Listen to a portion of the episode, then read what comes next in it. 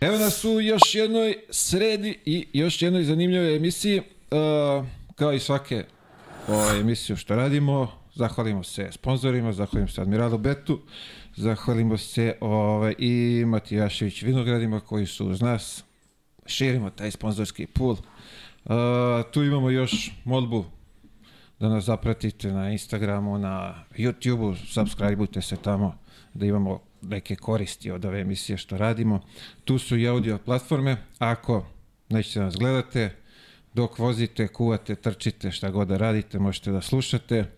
Na zahtev nekih, kako se kaže, gledalaca, fanova, otvorili smo i Paypal ko želi da pomogne kanal, tu je. I imamo i zahvalnicu na 15.000 ovih subscribera na, na, na YouTube-u, na Instagramu je gotovo 19.000, tako da širimo komunicu. Hvala vam svima na tome. Danas imamo jednog velikog šampiona, a sada je veliki, veliki poljoprivrednik okruga Šapca, tako može tako da se kaže? Jest, jest. Sa nama je Milan Matvan. Milane, dobrodošao u ovaj naš mali skromni show. Hvala, bolje te našao. Ovaj, iskoristio bih priliku prvo da se zahvalim na pozivu. Mislim da radiš fenomenalan posao. Pogledao sam skoro svaku epizodu. Ovaj, Bravo negde kad je to krenulo, mislio sam, bože, rekao ovaj čovjek da bude novinar. e, ali Međutim, nemoj, me, nemoj me u novinar, brate, nisam, ne, ne, mora da, on nekad mora da se napravi tamo ne, ne, neka nova ova profesija. Nisam A, novinar. Voditelj, hoćeš da budeš voditelj. E, ajde, pa, to mi nekako Dobro. onako... Ovaj, mislim da je nešto atipično i da je zanimljivo ljudima zato što si uspeo da približiš svoje goste ovaj totalno iz neke drugačije perspektive da ljudi to poslušaju, a ne da nas gledaju, nismo nešto lepi za gledanje ili za slušanje. Zato okay. kažem, ko neće da nas gleda, jest, ima audio, audio bolje audio, tako jest, je. jest. Ovaj, vidi, hvala ti na lepi rečima, drago mi je da, da pratiš, da si, što se kaže, od prve, od prve ovaj, epizode tu si uz kanal. Hvala Jeste, ti na prve. tome. Ima još i ovaj velikih imena, što bi se reklo, preko bare koji su uz kanal, prate nas, slušaju nas, tako da hvala im na tome. Ovaj, ono, standardno, početak, Kako si, šta radiš? Pa dobro, hvala na pitanju. Sledeće pitanje, šalim se. Dobro je, ovaj, trenutno se bavim poljoprivredom, polako ta naša poljoprivredna sezona se završava, da i mi malo seljaci danemo dušom, jel te? Tako da sad imam priliku eto, da, da gostujem To, to, evo, da gledam utakmice, jest, jest, da gledam utakmice, da provodim malo više vremena sa porodicom, s obzirom da je taj neki period od maja do decembra bio prilično intenzivan. Uh, malo više sam bio ovaj vezan za taj mačvanski okrug što bi ti rekao, ali sad je to onako ovaj polako se privodi kraju ova sezona i to je to, ićemo na jedan kolektivni odmor.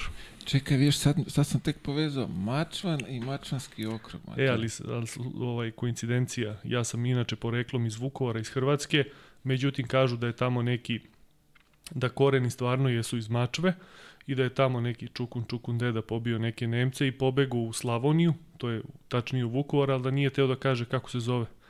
I onda su oni kad su čuli odakle rekli ba ti si Mačvan od sad i ostalo nastalo je to prezime i tako da su Mačvani jednim delom stacionirani u Mačvi, a jednim delom u Hrvatskoj, znači ovaj Vukovar i Ti se vratio svojim korenima. Jeste, tako se namestilo. Kako carska priča. Zanimljivo, jako. Nije bilo planirano, ali tako se ovaj tako viš, se namestilo. Negde, da, da ti onaj točak života vratite uvek tamo da, vratite treba. na početak, pa da. da ne razmišljaš ti previše. ona mozgalica, to je ona popularni, ili beše alhemičar, ili tako, kad, jest, kad jest. traga pa kao vrati se prijatelju kući, tamo te čeka sve to. Jest. Bro, divno. Tako da, eto, to je to, u, ovaj, ukratko. Uh, da, tvoje gazdinstvo, vidi, to su neke velike brojke. Tih, Igra veliki brojke. To, to, Duluma. Kako se to, kako to u mačvi? Pa, nije u Dulumima. To nije je u... u Dulumima i dalje smo u hektarima, ovaj, nismo u jutrima kao u... Vojvođani i Sremci. U hektarima smo, pa vidi, to je sad već firma, ovaj, znači pravno lice u pitanju, nije ovaj poljoprivredno gazdinstvo na fizičko aha, lice. Aha, prerasli ste. Jest, ovaj, znači radimo negde 200 hektara, možda malo jače, otprilike 110 hektara je ratarstvo, ostalo je pod voćem, negde 40 hektara lešnika, 20 hektara kruške, uh, hektar trešnje i 7 hektara maline. S tom malinom smo verovatno najveći proizvođači konzumne maline u Srbiji.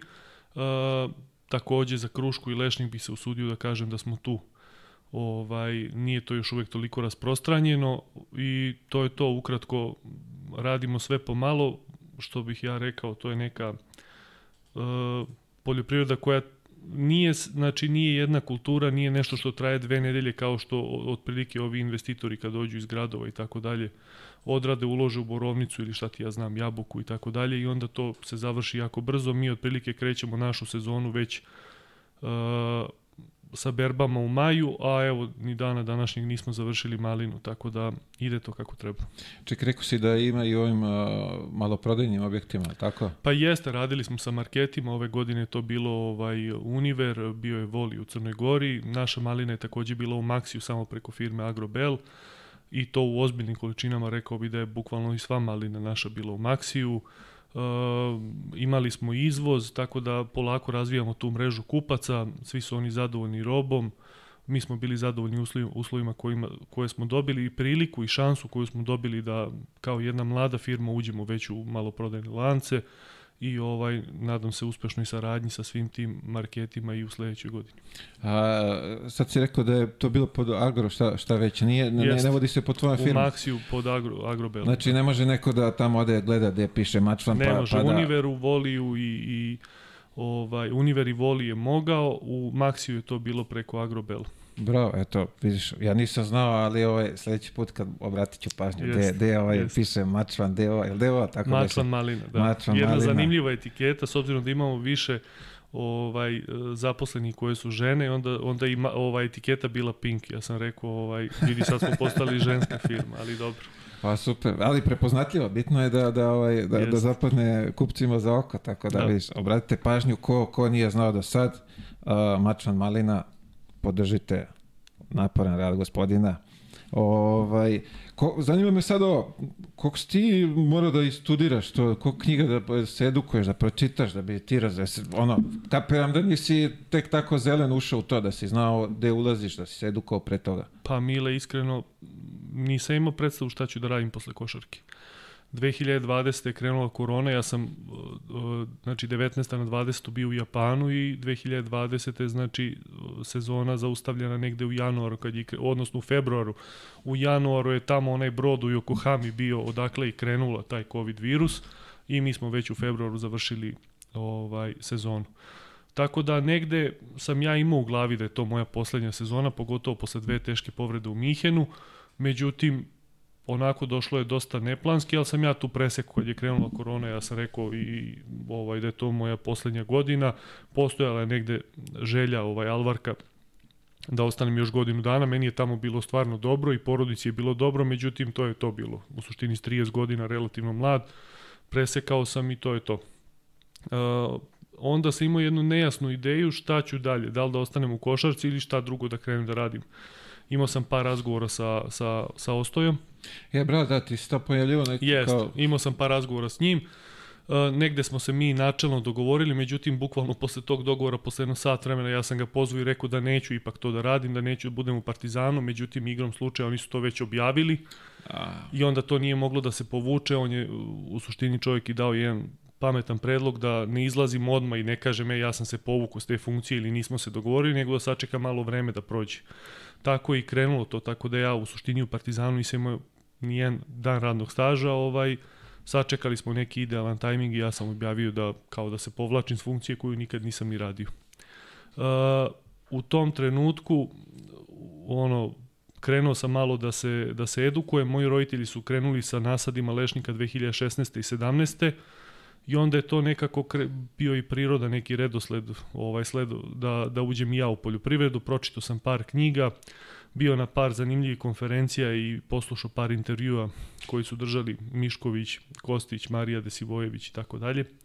I onda me to postaklo u suštini da ne treba ja sad nešto tu da budem prepametan, da izmišljam toplu vodu, nego u suštini da kopiram ono što ljudi rade i to je kao posao kao i svaki drugi živa stvar i on se oblikuje prema tome kako se razvija, jel te, u čim je rukama. Tako da je to krenulo kod mene ovaj, u negde u julu, odnosno junu 2020. i evo, polako se širimo, firma poprima obrise i tako sam i završio poljoprivredi.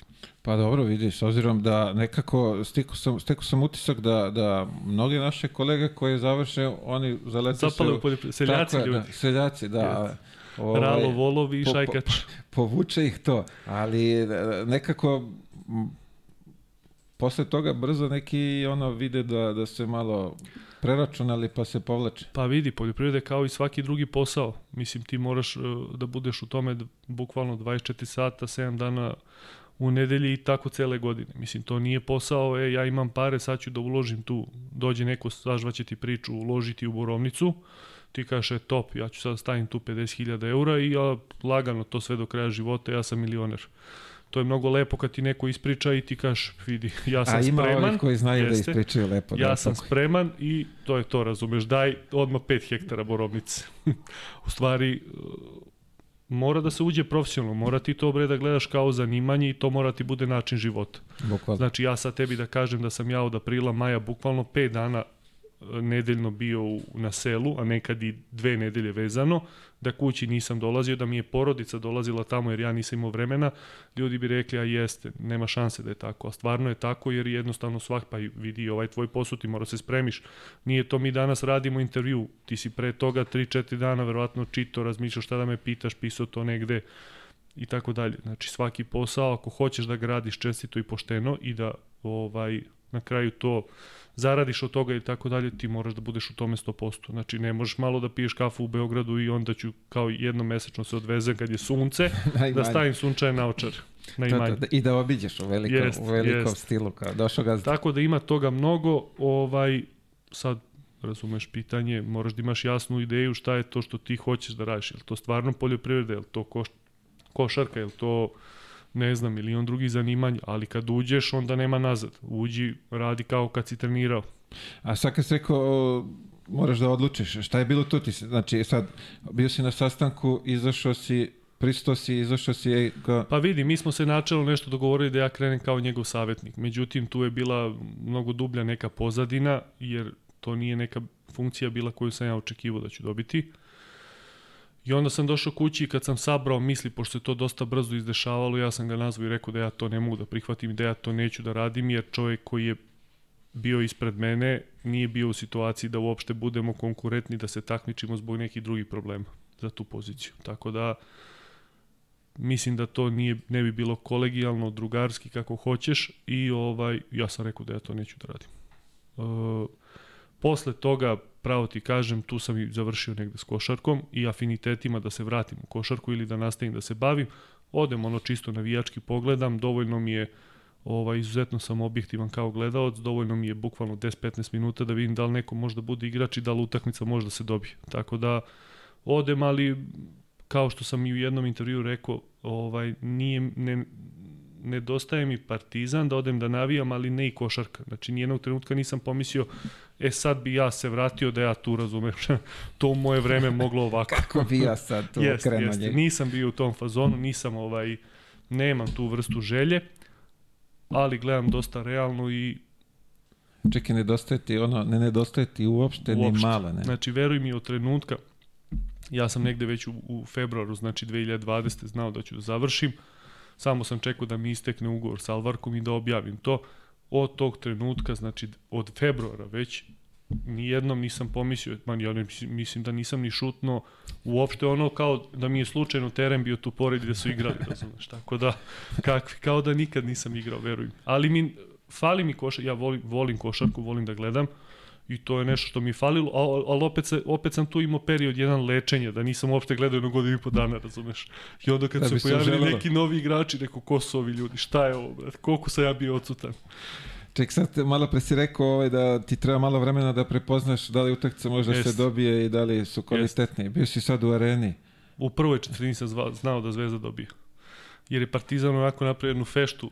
Prvo mi navijači smo bili jako euforični, a onda igrači i onda se tu videlo već ovaj pa mislim da je utakmica bila rešena u prva 2-3 minuta druge četvrtine. Znači Partizan je to prvu četvrtinu dobio 7-8 razlike, ali bukvalno u prvi 2-3 minuta je već bilo rešeno u Zvezdinu korist. Mislim da je Zvezda trebala čak ranije da dobije utakmicu, da su bili bolji. Kako se Partizan vratio, ja pojma nemam.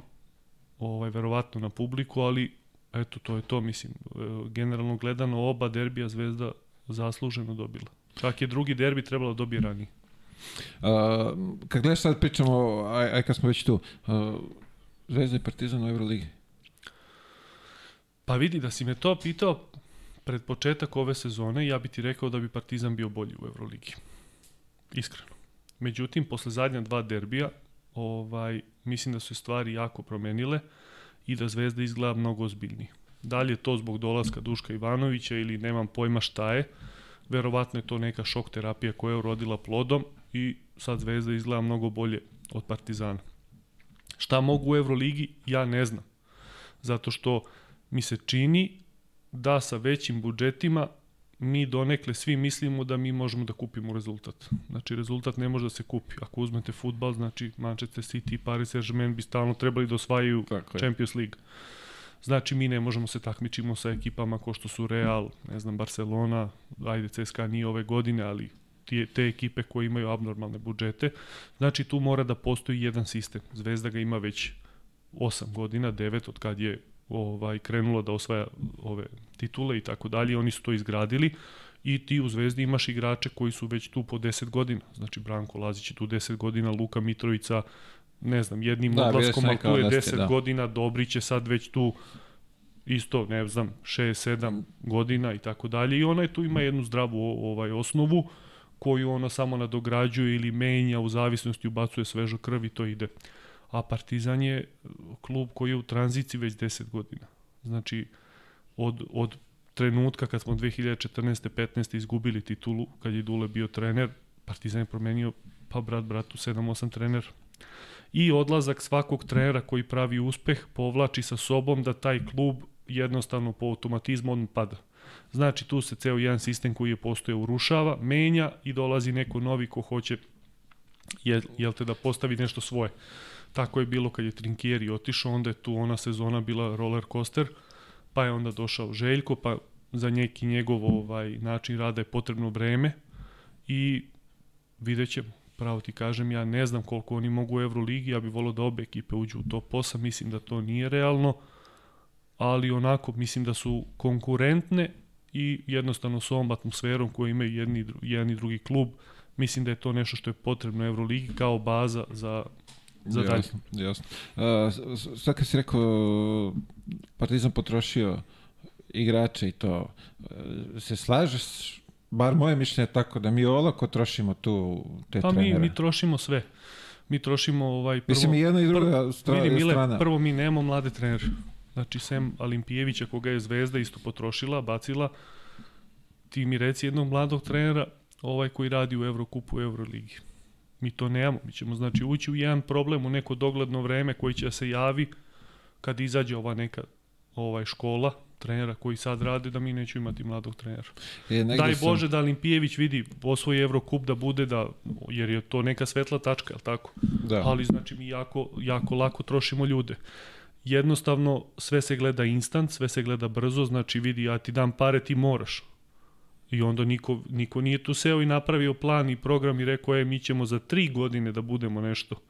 Ne bre, mi hoćemo sve sad. Jer može sad da se osvoji Euroliga. Juriš. Ali to ne ide tako. Jednostavno, ne može ništa preko noći. Znači, i rezultat se ne pravi u bre u mesec dana, u šest, pa čak i u godinu, pa i u dve godine. Ti ako imaš okosnicu mladih igrača, pa ne možeš ti njima da nabiješ pritisak da oni u prvoj godini budu prvaci, ali tako? Ti moraš tu da progutaš, pa ovo, pa ono pa da ti oni vrate tamo negde u drugoj, trećoj godini da pokažu nešto. Kao i sa voćem.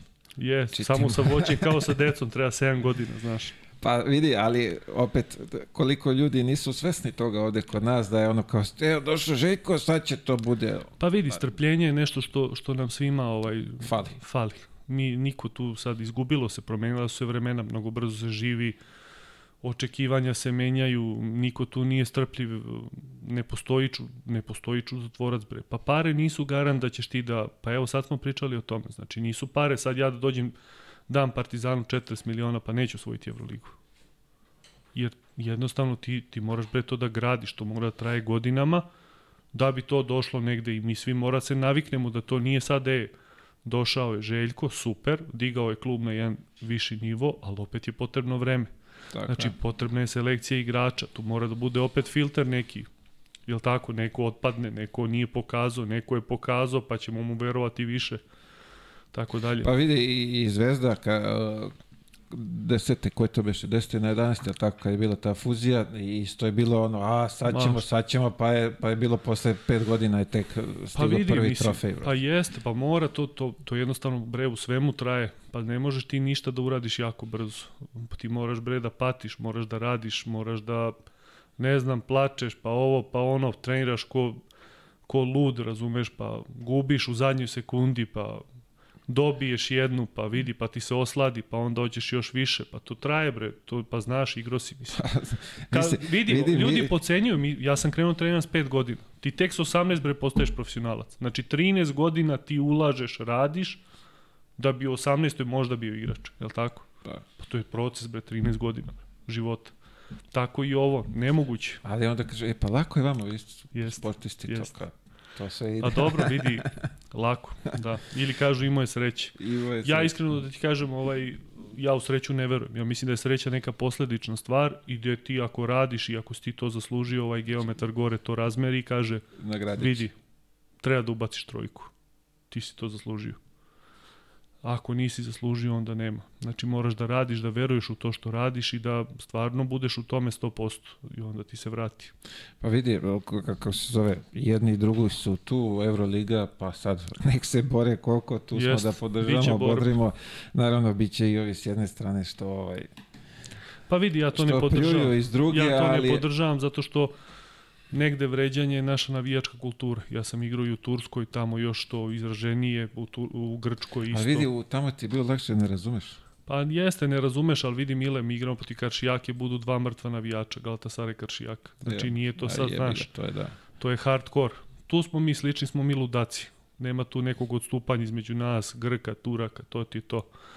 Tako da, ali vidim da ta situacija negde ide na bolje. Vidim da se jedni i drugi malo više poštuju, respektuju. Vidi, ja, i- sad, o, ja sam oduševljen da je, o, mislim, pre svega što je Zvezda pobedila, drago mi je, ali da je prošlo sve, da nije bilo nikakvih sranja, izbacivanja, prekida.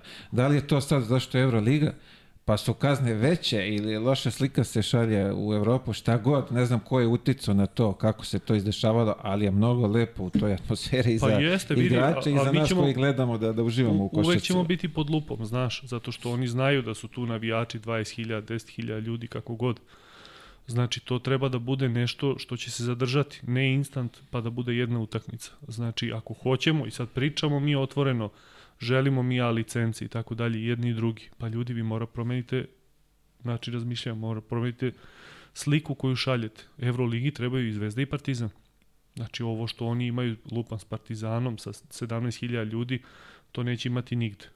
I to je realno. Pogotovo ako krenu iz- malo istočnije, ovamo sve hladnije. Pa neće imati nigde, znaš, ali opet, eto, daj Bože da je ovo sad početak nečeg, ovaj, nekih promena koje su dobre. Ne znam, sam komentarisao, sad, je, sad se ja pitam, da li je to zbog visokih kazni koje Euroliga propisuje?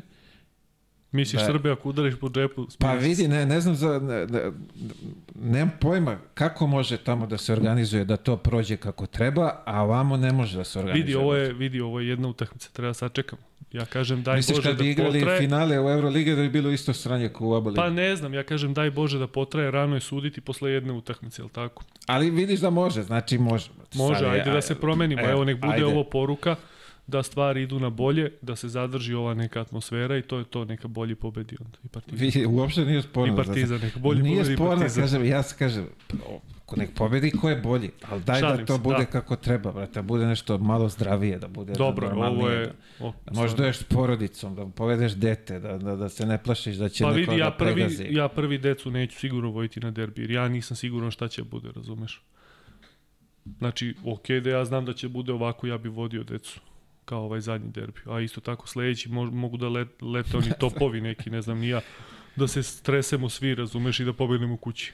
To je to, nikad ne znaš Znači, šta ne može da... da. Zato o, na, najjače su ove, znaš, aba liga, kad dođe 300 ljudi, 400. onda Jeste, ove slabije utakmice, onda čuješ sve. To da, aj što čuješ sve ovaj, nego što miran si, bre, znaš da će ništa bude, to malo ako bude ove što čuješ je. Ako dobaciš nekad sudi, pa šta ima veze? Pa to, Znate naši se. smo, naši smo. Vidi, ali i te sudije, ne, ne sad nešto da ih brani, Pa ali težak im nije ni njima lako, brate. Njima to je, njima u Jadranskoj ligi rudarski posao, veruj. Pa nji oni progledaju kad odu u Evrokup, Evroligu, 100%, sada ih pitaš, oni će potpisati samo da, su, da ne sude ovde. Ali to je ono što kaže, viš, kad ode u Evropu, onda sudi kako treba, ali ovde... Ma to su vrhunske sudije, mi nismo svesni koliko treba budemo zahvalni. Ja sam, znači bio sam i u Turskoj, i u Italiji, i u Nemačkoj, i u Japanu, i u Izraelu, nigde nema sudije kao što su u Jadranskoj ligi. Taj kvalitet suđenja. Znači ja to potpisujem, pa pogledaj broj sudija koji sudi internacionalno takmiče, pa skoro svi oni sude nešto. Da. Tako da vidi, poredići na primjer sa italijanskom ligom, pa oho, tamo da gubi živce svaku utakmicu. Treba pozoveš Aduljicu, ti ispriča kako su mu sudili. De, u, u Italiji, u, u Italiji, jest.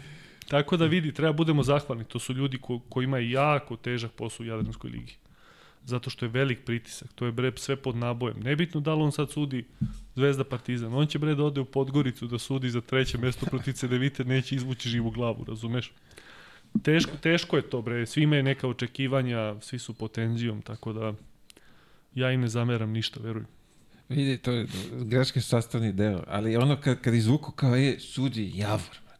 To je već u startu, to je neka Ja fama kažem ljudima, stvara. nisu oni svesni koliko mi grešaka napravimo u toku igre. Zašto prvo ne znaju akciju. Pa znaš ti koliko ti akcija promašiš, bre. Tren nacrta jedno, mi udarimo drugo. za glavu, Jest. brate, vraćaj se. Oni kad bi znali neko ubaci trojku, kaže top je bila akcija, razumeš? Tako i su, vidi, pravimo greške, svi ih pravimo i onaj ko radi, taj greši. Tako da i normalno je da se pogreši pred 20.000 ljudi. Znači, zamisli ti imaš takav pritisak, treba da doneseš ispravnu odluku pod teretom, zviždeti ovo ono. Nije to lako. Nije lako, ali opet, kažem, to je kod nas uvek neka teorija zavere. Ko je šta uradio, kako, zašto je ovaj ovde, zašto, ko, da li mu je familija, veza, bože sad čuje, ali dobro, šta da radimo, takvi smo, ali na, naši smo. Ovaj, reci meni, jesi ti zamišljao ovakvu penziju, ovo kako sad živiš? Jesi negde u nekom ludom maštanju, ono kao, ej, bit će Pa ni, e, vidi, nisam. Nisam zašto nisam imao jasnu sliku šta ću da radim. To je prosto jednostavan odgovor. Znači nisam znao s čime ću da se bavim, zato i nisam zamišljao. Da li sam mislio da ću duže da igram? Mislio sam. Međutim, posle jedne povrede u Bajernu, znači to je bio januar, da li 2018. proti Zenita, sve mi je puklo u kolenu, onda jedna operacija, do, ovaj, dođem, prva prijateljska udari, utakmica, opet identičan udarac u isto koleno, opet mi pukne sve. Znači onda sam već posle druge povrede bio negde u glavi, svestan da to neće trajati koliko sam ja zamislio. Ovaj, operacija je tu prošla odlično, oporavio sam se kod Fiće Volseka u fizio timu koji, koji me vratio bukvalno iz mrtvih gde je doktor rekao vidi na tebi je, ja, ja ne znam da li ti možda igraš. I onda smo radili bukvalno godinu dana smo radili, svaki dan dva puta dnevno on i ja. Ovaj, I čovek me je vratio da sam ja u Japanu izgledao kao da se nikad nisam povredio. Da je na kraju ispala skoro greška što sam otišao u Japan jer sam imao još neke dve ponude ovde. Zajeva. Jest, ali vidi, to je, mislim, to je život i sada pričamo šta je bilo kad bi bilo i tražiti Da, da, neke da. izgovore, opravdanja je mogo sam ja, to je budalaština, to, to je za gubitnike. Znači da sam mogo, ja bi uradio, da je moglo da traje duže, ja bi trajao i to je to, nije. tako Jasno, je. vidiš, što bi rekli sudbine, tako Jest, htjela, jest. E, a vidio sad, ovo sad čim se baviš sve to. Meni je to upotpunilo sliku jednu, sećam se, uh,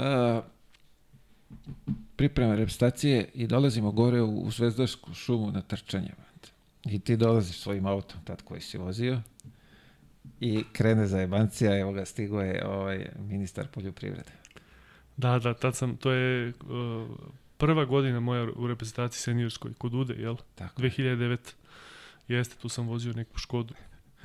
Ma bilo je jako... Bila je neka i čudna boja, brate. koja je ona boja Jeste, bila? trula je bila neka nešto, da. Ne znam od koga je krenula, ali vidi, toliko sad kad sam, Vidiš, kad sam ovaj zatvorio tu jest. svu sliku, ovaj, kaže, evo ga, stigo je ministar poljoprivrede, ti izlaziš iz Škode, brate. Jest, Rekao, evo, to je jest. to.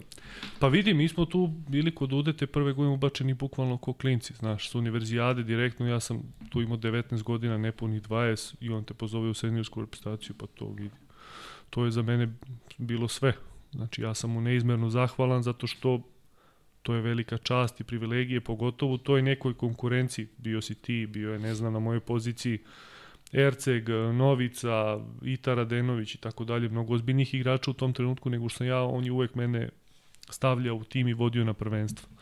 Tako da, jeste, bilo je dobro. to mi je palo na pamet. Vidiš kako si se poljoprivrede i sad sam postao ovaj poljoprivrednik seljak. Još dodaješ do ministarstva i onda nemoj, si zatvorio nemoj, nemam afinitet. Nemaš Srećan šta. sam ovako kako jeste, ništa tu ne bih menjao. Ovaj, ono što me ispunjava je da firma raste bukvalno iz dana u dan, iz meseca u mesec, da smo mi sposobni da svakog meseca isplatimo 20 i nešto plata, sledeće godine ćemo duplirati broj zaposlenih i to je ono što, što mene trenutno vozi i čini zadovoljnim. Bravo, Tako da je bravo, divno. Vidio, sad smo završili ovaj, ovaj segment voćarstva, poljoprivrede. Jeste, da pređemo na košarku. Ajmo da se vratimo kad vidimo ovaj, tvoje odrastanje, kako to je izgledalo. Pa surovo. Surovo, zato što sam ja rođen u Vukovaru, u Hrvatskoj. Uh, posle toga smo se preselili u Bačku Palanku zbog rata, odnosno nakon rata. U Bačkoj Palanci sam krenuo da treniram Posle toga sam došao u Železnik gde sam proveo jedan fenomenalan period. Čekaj, Bačka Palanka, to je... Uh, Odmah grani, granica, okay. znači Srbija, Hrvatska I sad. I bio je klub tamo, tad pa, ti si... Pa to je bio neki košarkaški klub Dunav, ona je Bačka to postoji Palanka. dalje? Nisam siguran. Ovaj, Bačka Palanka ti je poznata bila, na primjer, u to vreme po rukometu. Bio je Sintelon iz Bačke Palanke, koji tako je bio je, čudo, igrao Ligu da, šampiona da, i tako da, dalje. Da onda još jedna velika firma Nektar, Majevica, jedno onako dobro, velik, jedan solidan gradić, ali ekonomski jak. Mi smo prešli normalno Bačku Palanku jer nam je bilo najbliže, to je bilo prvo pogranično mesto, jel te, sa Hrvatskom. Ovaj, veći deo porodice je ostao da živi u Hrvatsku i onda nam je to bilo mnogo lako zbog nekih poseta mhm, međusobnih i mhm. tako dalje. Tu sam ja krenuo da treniram, Nakon toga sam došao u Železnik, doveo me ovaj Milovan Bulatović. Gde te Bule spazio? Jest. Buli me doveo. Ovaj, gde te spazio? Gde, gde, gde te za, to ti je Požarevac, oni trenažni centri, ono, aha, znaš ono što Košarkaški savez organizuje, pa pozove Kako se to zvala Tulba. nešto? Te, Tulba. Tulba? Ne. Tulba. Tulba? Zar tako nije bre nešto Požarevac ima neko drugo ime? Pa nije, tako je. Tako. Da, ovaj, moguće. I tu sam ja tri godine dolazio u Požarevac, te treće godine me on vrbovo da dođem u železnik. Došao sam u železnik nepunih 14 godina, znači za osmi razred spreman, tu je i porodica onda preselila i došla sa mnom. To je neki period bio jako dobar za mene jer sam se razvijao u tom nekom pravcu da stvarno postanem igrač, da je mnogo rada i truda uloženo u mene. Ovaj prve dve godine mi je trener bio Buli. To je znači bila neka ka, a, pionirska Izvini, i kadetska. Sad, možda malo da se tebe setim, jel? Ne, ne, mene, se, set, set, se ja tebe, ovaj, imam ovde nešto što, kako sam te za, zapazio tad. Ovaj, možeš malo bulija da dočaraš ljudima? Pa vidi, Buli je jedan čovek svestran, znači on se pored košarke bavi ovaj ikonopisima, jel te, znači i crkvenim radom, uh, strašan jedan čovek koji Što nisam znao? Jeste, koji je ovaj ima oko za, za decu, može da prepozna talenat i veliki deo tih igrača koji su dovedeni ne samo mog godišta, nego i 8-7, 8-8, pa posle toga i on selektirao i doveo u železnik. Uh, Šta, izvini, on beše profesor nuklearne jest, nešto da fizike, fizike hemije, tako nešto. I njegov sin je isto igrao košarku i isto je završio posle toga fakultet, ali je rano izašao iz košarke. Pa jedan strašan čovek, stvarno, meni je mnogo pomogao samim tim što me otkrio i doveo u železnik, znači to ti je dovoljan vetar u leđa da ti onda posle, ako znaš, pokažeš to, jel te treba zapaziti neko dete, malo debelo s naočarima, razumeš, i reći ovaj će da bude igrač. e, sad kad si spomenuo naočare, yes. vidi, ti si došao te prve dane kad smo mi bili tamo, ti si došao tim naočarima, brate, ali te, ja ne mogu sad da, da ih opišem kako je to, A to izgledalo. su male one školske naočare da. i gumica iza koja je držala naočar. A kojom si gumicom ti ona vezao? Pa bila je kao neka ona bre, ne znam koji je to materijal, kao sunđerasta, znaš, ona se prala posle svakog treninga. Ozbiljno. Da se to ne bi usmrdilo. Ja sam imao utisak, brate, da je onaj, znaš Plastiš, iz gaća, onaj kad nije, izvučeš, nije, nije. ono... Ne, ne, bila je baš gumica i ovaj, ja sam tu, bukvalno nećeš verovati sad ko mi je pomogao da ostavim naočare, to je sudija Glišić. On meni jednu utakmicu nije teo da da da igram, kad me video da igram s naočarima. Bilo ga strah, jer je to negde početak neke sudijske karijere njegove i moje kad sam krenuo to pioniri kadeti ovo ono. I stvarno je čovjek bio u pravu, zato što bukvalno nakon te utakmice gde on meni nije dao da igram, prvi sledeći trening mene drugar udari laktom i raseče mi ovde i oko i kapak i sve. I posle toga sam krenuo da nosim sočiva i spasu sam se, razumeš. Ali on mi je jako mnogo... Gliša, gliša, jeste. Posle sam ga sreto i neizmerno sam mu zahvalan zbog toga, zato što pitanje da li bi ja to, ono, verovatno bi promenio, ali ne bi tako brzo, Da, da, da, da. da, da. nije bilo njega.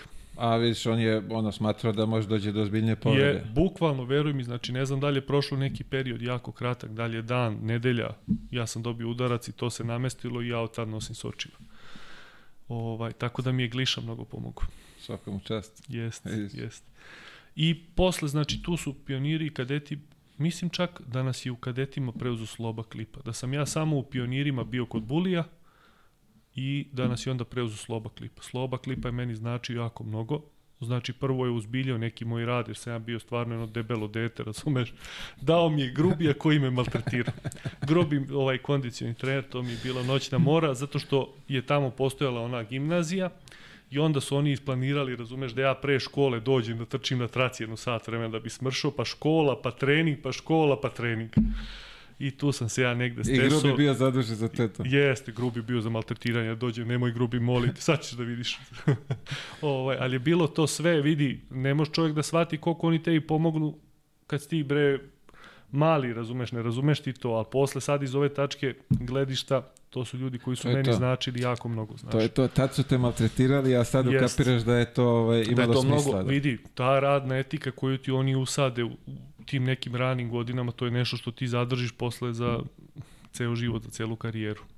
I tu je onda Sloba mi je bio trener tu slobodno mogu da kažem, ja mislim jedno tri godine, znači kadeti, juniori, pa ja sam bio priključivan tamo, vamo, šetan, razumeš, Po potrebi. po potrebi i, i u Workersima mi bio trener i u reprezentaciji posle toga juniorsko, ja sam tad prešao u Hemofarm, ali mi on bio trener u reprezentaciji, tako da mogu slobodno da kažem da imao jako velik uticaj na moj košarkaški put i da mi je mnogo pomogao.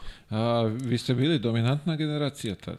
Pa jesmo, vidi, o, ima jedna, mi smo dobili, na primjer, ko juniori Zvezdu u finalu prvenstva 66 razlike. Trener bio Darko Rajaković. Ovaj. Ja sam posle Darka Zvezdu, znaš koliko rekao, čoveče, dobijamo ti 70 razlike, ti završiš u NBA-u, pa je moguće ovo rekao? Jer oni znaju da si ti izgubio, razumeš, u Čačku. Bili smo dominantna generacija, mi smo bukvalno svaki turnir, svuda gde smo bili poslati, osvojili sem finala nekog juniorskog Evrolige. Znači, bukvalno svuda gde smo išli, mi smo to osvajali. To je onaj Next Generation, Jest, tako? jest. Tu je bio u Atini, onaj Final Four kada je Pantnikos bio prvak sa Dekijem Tomaševićem, Vujanićem, Željko bio trener. Mi smo tu izgubili od Žalgiris. A ostale sve turnire što možeš da zamisliš gde nas je poslo FMP, da nas vide, da igramo i tako dalje, mi smo to sve osvajali. Znači, bukvalno od Španije do Italije, do ne znam gde nismo, kao... Niste bili samo dobri na lokalu, vi ste to ne, prašili. ne, znači vi- vidi Mile, ja sad kad uđem u tu neku vitrinu svoju s trofejima, tu ima iz, bukvalno ja mislim da smo jedne godine ko juniori pa slagaću te, ali mislim jedno desetak turnira da smo osvojili sigurno, mimo te završne kad smo dobili zvezdu 70 razlike. Stvarno, pa mislim vidi, to tako je bilo, 66 razlike smo ih dobili u finalu. Bio, znaš ko je bio u Zvezdi igrao ovaj Majstorović što igra 3 na 3, pa ima tu posle ljudi koji su se probili da igraju košarku, razumeš, ali se tako, valjda je naš dan bio, njihov nije. Čekaj, namestilo koliko si bre ti ovaj, snova upropastio, sad, tako kad ste gazili Ma sve red. nije, vidi, nije. To, to je prvo moja neka predispozicija da sam se ranije razvio da sam ja bio i fizički dominantan, pored tog nekih košarkaških sposobnosti da sam bio i fizički dominantan. Tako da teško, sad tu nisu oni mogli nama da u toj nekoj kadeti, juniori, prvenstva kadetska za reprezentaciju juniorska, ovo ono, niko tu nije mogao da priđe.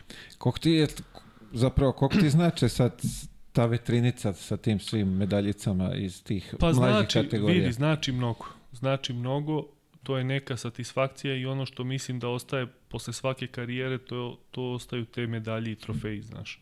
Pored tih mlađih kategorija, tu je bilo i seniorskih trofeja, medalja, svega, nagrada, najbolji mladi sportista Srbije, najbolji sportista Vojvodine, ovo. To je sve nešto što te gradi kao osobu i, i što ti daje u tom trenutku Čekaj, kako bre samopouzdanje. mladi sportista Vojvodine, kako si ti? Pa kad sam bio u vrštu, to se do, do, doljivala A, i- bravo, bravo, bravo, bravo, da, da. Spartakova tad, nagrada, i, i pa tad ovo, si bio pa mlad. Jest, pa ja sam, vidi, mlad sam bio čovječ, nego sam se rano pojavio, pa su ljudi mislili ovaj sad treba završi karijeru, ja u 20, 20 godina. Ti u 16. i počeo da se briješ. Jest, oni kao vidi ovaj pred kraj, to, da, to, bace, to. daj O, novog. omaljavio, daj Jest, sledećeg. Daj sledeći. A, prvi trenizi ti tvoji, kako to izgledalo? U, gde si rekao, Dunav? Ne.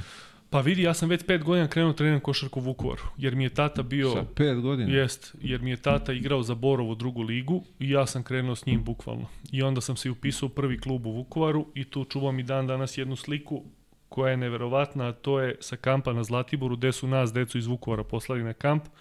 Trener mi bio struja ovaj Lukajić, Že. koji mi je bio u. Posle vama te Jest. sad. I onda sam mu donao sliku, rekao, evo, sad, da ne misliš da nismo sarađivali. ovaj, tako da, i s pet godina sam ja rekao da ću budem košarkaš. Mama i tata se prekrstili, rekli, pusti budalu.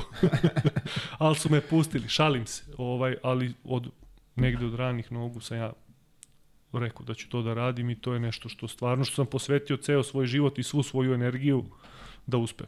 A, reci mi, uzori neki postojali su, verovatno. Pa tako. mnogo, Mile, oni su se vrem, menjali, Menjali, vremenom. da, ali- Znaš, ono, ti kreneš, tad mi je bio, imao sam, dobio sam dres od Shaquille O'Neala, to mi je bilo sve na svetu. Onda mi kupili dres od Jordana. Sećam se prvi neki dres, verovo sad ili ne, sam dobio kad sam bio u Bačkoj Palanci od Čubrila, kad je bio u Partizanu. Dobro, Čobrilo je Pa bio Jova majstor, Stanojević. Pa sam, i tako, znaš, menja, vidi, ta neka naša generacija, lupam, Sale, Đorđević, Danilović, Bodiroga, Savić, Divac, to je neka generacija s koju smo mi rasli, ne može niko da kaže, bio mi je idol, ne znam, neko, Da, da, da, a pred da. očima ti je neko ko daje dobri. trojke u zadnjoj sekundi, ovo ono, i ti se pališ na to. Tako da, svi oni, ne mogu da izdvojim nikog od njih, ali su imali uticaj u nekom trenutku karijere na mene. Vidi, na sve nas nije ona... Pa, mislim, kažem ti, cela ta ge- generacija. Mi da. smo svi rasli uz njih, nema Tako tu šta sad, nema ti sad da izmišljaš Mislim, toplu. ko što je sad nekom Bogdan i Pa Jokić, jest, tako je da, Jokić. ovo je... Ovi Znaš šta, i, naši. i sport se razvija po tim naletom uspeha koje prave ljudi, znaš. Ti si mogao milu dece koje su krenule da treniraju tenis zbog Đokovića, Ani Ivanović, Jelene Janković, To kako Tipsarević. se- Kako se završi neko prvenstvo, tako se Pa upisuju da, deca. onda znaš, lupam, prošli smo, dobili smo Portugal u futbolu, najezda deca. Tako da, zato Mislim su, je dobro za zato sport, su da. bitni ti uspesi reprezentacije. Ja baš imam druga koji drži školu košarke u Novom Beogradu, ovaj, Koprivice Nikolu, te on bukvalno mi kaže brojke, neverovatno šta se desi kad reprezentacija osvoji medalju kad ne uradimo ništa. Ti imaš skok bre u 50 dece u, u dve nedelje. Majke. Tako da je to nešto čega smo mi sportisti nesvesni, ali da imamo jak influence ka toj deci koja treba da krenu da treniraju, da, da se bave nečim, znaš. Viš, zanimljiv podatak, da. Neverovatno. To su ti neke stvari, a stvarno koje utiču jako na omladinu. Pa zamisli da su futbaleri sad nešto uradili, da su prošli ili šta god. Pa vidi, tu bi se igrao futbal i po snegu danas, je tako? I slučajno X da su opalili s Brazilom, šta bi tek bilo? Da, da. Dajte Brazil da se igramo, samo, samo to. Vidi, ovaj, za, ako je za utehu ispoj Brazil, tako neka. Jest. Ovaj, dobro je. A, Ali smo mi se- dobili Portugal, što znači da bi mi sad igrali polufinal. Jer je Portugal ispod Maroka, a mi smo bolji od Portugala. Da, i ja. Da, da, to ima ono, kao ovaj pobede, znači mi smo Znači, prvaci. mi smo tu, brate, malo nam fali, znači. To je to, fali nam jedan u odbrani i, ovaj, i titule naš. Jest. Se, selektori ovaj stari. Uh, ulazak tvoj u, u prvi tim, u, Železnik. Ti si tu nešto ovaj, iskoristio si o, onu klauzulu Pa isto kao Nemanja. maloletnosti da možda Jest. zapališ. Da. Isto kao Nemanja, ja sam bukvalno odigrao, ja mislim da sam odigrao jednu utakmicu. Ne, pardon, odigrao sam dve. Jednu su me skinuli u Jadranskoj ligi, jednu su me skinuli u Evrokupu i ja sam tu s 18 godina iskoristio pravo, ono što je tad postojalo, da platiš 150.000 i da pređeš u drugi klub. Postojale su to neke opcije da se ide u inostranstvo, međutim, uh, ja sam sarađivao s Mutom Nikolićem u Novom Sadu na svetskom prvenstvu i tu je negde meni ideja bila da odem u Hemofarm, jer je on tamo bio trener. Međutim, Čekaj, to je jedini razlog zbog čega si ti otišao iz Železnika ili... Pa vidi, negde sam prepoznao ću ranije dobiti šansu. U železniku se znao neki red, razumeš, lupam, ti si ispred mene, pa ti kad proigraš, kad produvaš, onda ja dolazim, da, razumeš. da, da, da, da. A ja sam u tom trenutku, znači u Novom Sadu bio najbolji mladi igrač na svetu, posle toga na Evropskom prvenstvu u Madridu isto smo osvojili zlato, bio u petorci i negde sam trebao da igram, jel tako? Ovaj, I tu je negde moja odluka pala da ja odem u Hemofarm. Ja dođem, potpišem za Hemofarm, odigram jednu utakmicu, on čovjek dobije otkaz. A odem zbog njega u Hemofarm, znaš. Ovaj, dobije otkaz uh, i tu dođe Vlada Vukovičić, koji me čovjek u Hemofarm ono, u, ti- a ti u FNP-u, a ja, pa ja pobeg od njega. Reku, neću s ovim da radim, razumeš, bežim ja dalje, dođe Vlada Vukojičić. I onako, tu nam je bilo i meni i njemu vrlo turbulentno jedno tri meseca, onda smo malo zaratili, onda smo se pomirili i izljubili i počeo sam da igram.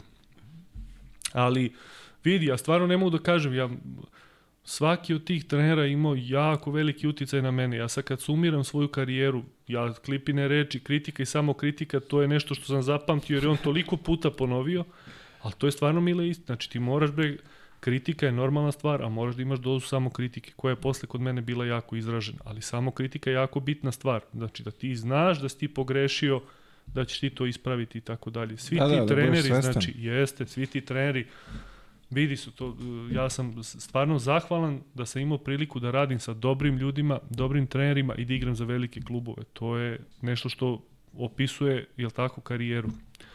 Tako da onda mi je tu bio vlada, trener Vukojičić, on se zadržao nešto kratko, do kraja sezone i sledeće godine došao Steva Karadžić. Isto sa Stevom sam imao super ovaj odnos, znači Ko je tad, e, Pefi je tu, je li tako? Pa Ko je jeste, od mi smo praktično, mi smo je? praktično i odrasli Pefi ja zajedno iz tog doba se družimo i Pefi je neka osoba, kako da kažem, koju ja strašno cenim, jedan ono strašan momak, Zdrav to mi je momak na mestu. prijatelj na, na mestu, bre, mi smo maltene te tri godine u hemofarmu maltene živeli zajedno, bukvalno. Mi smo ti bili ono balavci, klinci, ono, ja 18, on 19, Bobi 19, uh, imali smo moram da kažem i dobre stariji igrači, tu nam je bio Pavke, Miljan Pavković, uh, bio je ovaj što je bio u slovenačkoj reprezentaciji Jagodnik, Ja, bio je da, da, Joksimović, da, da, Nebojša Joksa, isto, bravo. Bio je, prošlo je tu i dobrih stranaca, znači Roll Marshall, bio je Marton Bader, bio je Uh, ma ne znam bre, stvarno je Hemofarm bio jedan stabilan klub, razumeš, pa bio si, mislim, mislim jesi ti bio u Hemofarm? Jesi. Jesam, jesam, da. Znači, znaš o čemu se sam radi. koji ti iskoristio klauzulu pa zapali ranije. Jeste, znači, znaš kakav je to klub bio i Mislim, šteta Imali što... smo što- dobre mentore, znaš, znači ti kad imaš nekog pavketa ispred sebe, vidi, nije mogao Pefi da ne nauči, da ne Tako bude je, bolji. Ili meni dovedu Jagodnika koji u tom trenutku ima 33-4 godine, koji me svaki trening ubio od batina da bi ja, razumeš, očvrsno. Ili imali smo Milivoj Božović je bio, bio je Savović, Uh, bio je, znači, ajde, Bobija sam spomenuo. Stvarno je bila jedna zdrava grupa ljudi i mi smo se družili i to je to. Jeste vi sa Karadžom ono dospeli maltene do svih finala, Jest. tako? To je tako nesrećna jedna godina, nemu, neverovatno. Znači, mi smo igrali polufinale Eurokupa i to smo izgubili neverovatno. Znači, kim beše sa? sa Ritasom koji je posle osvojio. Mi smo izbacili onaj strašni Dinamo iz Moskve, te godine Blad bio trener i tako dalje. Tu smo ih dobili u četvrfinalu i u polufinalu, sećam se koji juče, znači utakmica se nešto lomi i Pefi čuva onog sedog Litvanca Lukauskis, kako se zvao. I izbije mu loptu na centar, jedan razlike za njih, minut do kraja. I ovaj tip vidi da ističe vreme, kupi loptu na centru, okrene se i da trojku centra i tako nas dobio. Majke.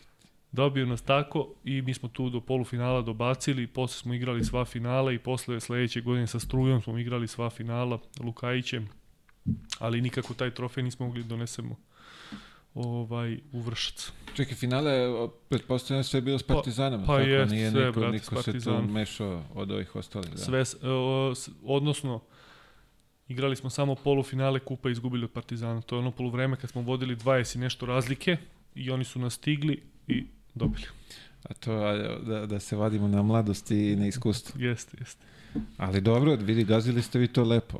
Pa vidi, dobra je bila selekcija igrača, tu je Muta imao jasnu neku viziju, opet razumeš i to, to, ti to danas ne možeš da vidiš. Znači on je uvek govorio, pa ja ne mogu da izgubim u prvih pet minuta utakmice i u prvih pet minuta treće četvrtine. I dere se, šutirajte, šutirajte, šta vam je sada, ne psujem, razumeš. Ali stvarno je to, on tebi da samopouzdanje, pustite pa vidi, ili jesi ili nisi. Mi smo kod Mute, bre sa 18 godina igrali po 30 minuta. Ti danas ne možeš da nađeš dete od 18 godina koji igra 10 minuta. Vidiš sad ovde u neki klubove ne možeš nađeš našeg čovjeka da igra. Pa ne, ne pa vidi, ne možeš da ga nađeš, bre, čovječ. Ti nemaš to, nema poverenja, treneri su u strahu, razumeš, šta sad ja izgubim, oni me otpuštaju, pa bolje da To idem sa to, starima. Da. Taj ja pritisak vidi, tog u, u, rezultata je podmoranje i... I, i ti nemaš tu, i mi ćemo ući u definitivno problem da mi se, bukvalno, kad to mora kažem, Mege, ostali klubovi ne izbace igrača. Pa vidi, a i što nema igrača, nego nema ni trenera. I ovo što, što malo Pa zna, je, ovo, ode vidite, sve za Kinu. to smo Imaće, Kina će imati bolje trenere nego mi ovde za, za pet godina. To smo rekli na početku. Znači, mi smo na početku rekli da mi sem Alimpijevića trenutno nemamo trenera koji radi ozbiljno. A ne vidim, znaš šta, znaš šta me sad tu isto ovaj, kopka? Što ja ne vidim sad tu neko da bi i, i, i u Partizanu i u Zvezdi da neko pored ova dva vrhunska trenera da je neki mladi da sedi i da uči. Ja ne vidim to. Pa vidi, radi dobar posao Neša Stefanović ovaj, u železniku. Dobro, Potreb- imaš, ajde, vidi, ako opet ćemo, imaš, imaš Šoneta, imaš Baneta Ratkovicu, Znači, opet je to, vidi, to je neki stepenik i oni sad treba pređu na viši stepenik. Pa da mi vidimo šta je to. Znači, problem je što na tom višem stepeniku on nikad neće naići na razumevanje. da. I on ne može da se pokaže. Ja ne Potrošit mislim ga u uopšte da je... ja ne mislim uopšte da je Čanak loš trener. On je bio u Partizanu dobio otkaz. Posle u Led Kabeli su Pa radi strašan Pa čekaj, posao. jes, jesu Božu potrošili? Pero Božić. Ali ne, ali kažem ti, znači Čanak je u Led Kabeli su, znači on ima kvalitet čovek jer je tamo već, ja ne znam, to Druga, je treća kontinuitet, godina, druga, da. treća godina. Hoće kažem, bio je Čane, bio je Pera Božić, e, bio je Džile, Šćepanović, bio Džile. je Šćepa. Znači, četiri kako je radio u Podgorici. Partizanova čoveka su potrošili. Brate. Pa vidi, Džile je isto ovaj, jako dobar trener, ali i on je promenjen jako brzo. Znači on je postao u Podgorici, video si kakav je rezultat sad- napravi. To je to, mora da se istrpi, čoveče. A mora, da čoveče, ti kad uzimaš, ti kad uzimaš da radiš projekat, ja se nikad ne bi obavezao da to bude instant nešto i da mi seku glavu posle godinu dana. Zašto ti u godinu dana ne možeš ništa da pokažeš? Šta, ko, kome ti da objasniš u godinu dana šta si teo da uradiš? Da li sam ja teo da pustim Vukčevića i Koparicu budu startni? Kako ja sad, vidi, oni sad nisu startni. Realno, ne mogu da krenu. Ali da li će biti za tri godine ako ih budem puštao? Ja mislim da će biti. Mnogo je, znači, mnogo, ja razumem i trenere, vidi njima se, znači, ne možeš ti sad kažeš Željko je sad pravi ti igrač, doveo si trenera s 10 evro ligi, sad, nije to sve, vidi, mnogo faktora, mora mnogo stvari da se sklopi. Mora, Zato ja kažem, se. opet, naš, naš, koja, ti, koja je nama bila sreća da imamo mutu. Dođeš i čovjek ti kaže, ej bre, idi tamo igre, šutiraj, ja ću da odgovaram sve, ja idem kod Miše Babića da pričam, razumeš? On će se- Slušaj, vodimo mi proti Partizana nešto 14-0, oni daju prvi koš. Ček, Kaže, kad si slušaj, uspeo, brate, kad je otišao posle prve utakmice? Pa ne, ne, to, Sve to to, ne, ne, to je bilo to, u toj polusezoni sad Pefi priča, kaže, vodimo mi proti Partizana i sad dalje je bilo dva- 14-0, 12-0, nemam pojma, on kaže, mi ćemo ove dobijemo s nulom. I da, Peković prvo za, prvi napad za kucavanje, on kaže, sad ćemo izgubiti. 14, početak, ali s njim je bilo super, vidi, on je neko ko za mladog igrača, to, brate, ne može, ne, znači, ne možeš to da nađeš. Vidi, ali nekako moj utisak da i on se ne, ne znam šta, koju on manu ima, ne može se pronađe nigde i on je tu nešto Pa vidi, ljudi gledaju Mutu ko neozbiljnog čoveka. Znači on ide, ovaj, zbija šale i tako dalje i onda ljudi kažu vidi ovaj budala, pusti ovo. Ili ćemo ga probati pa ćemo ga zameniti. Ja to tako ne gledam, mislim da imati Mutu za mlade igrače, držati ga u ne, naći mu neku, kako da kažem bre, funkciju u savezu negde gde bi on stvarno bio produktivan, to nema par. Zato što sve te, pa vidi u reprezentaciji, pa on je ono u Izmiru bio sa Pekovićem, Luka Bogdanović, ovo Iseko Teja bio. Znači, on je opet tu negde generaciju izbacio u orbitu. Mnogo igrača napravio. Znaš, Tepića pustio, ne znam ni ja, koliko bre, dva, 12 godina u Vojvodini.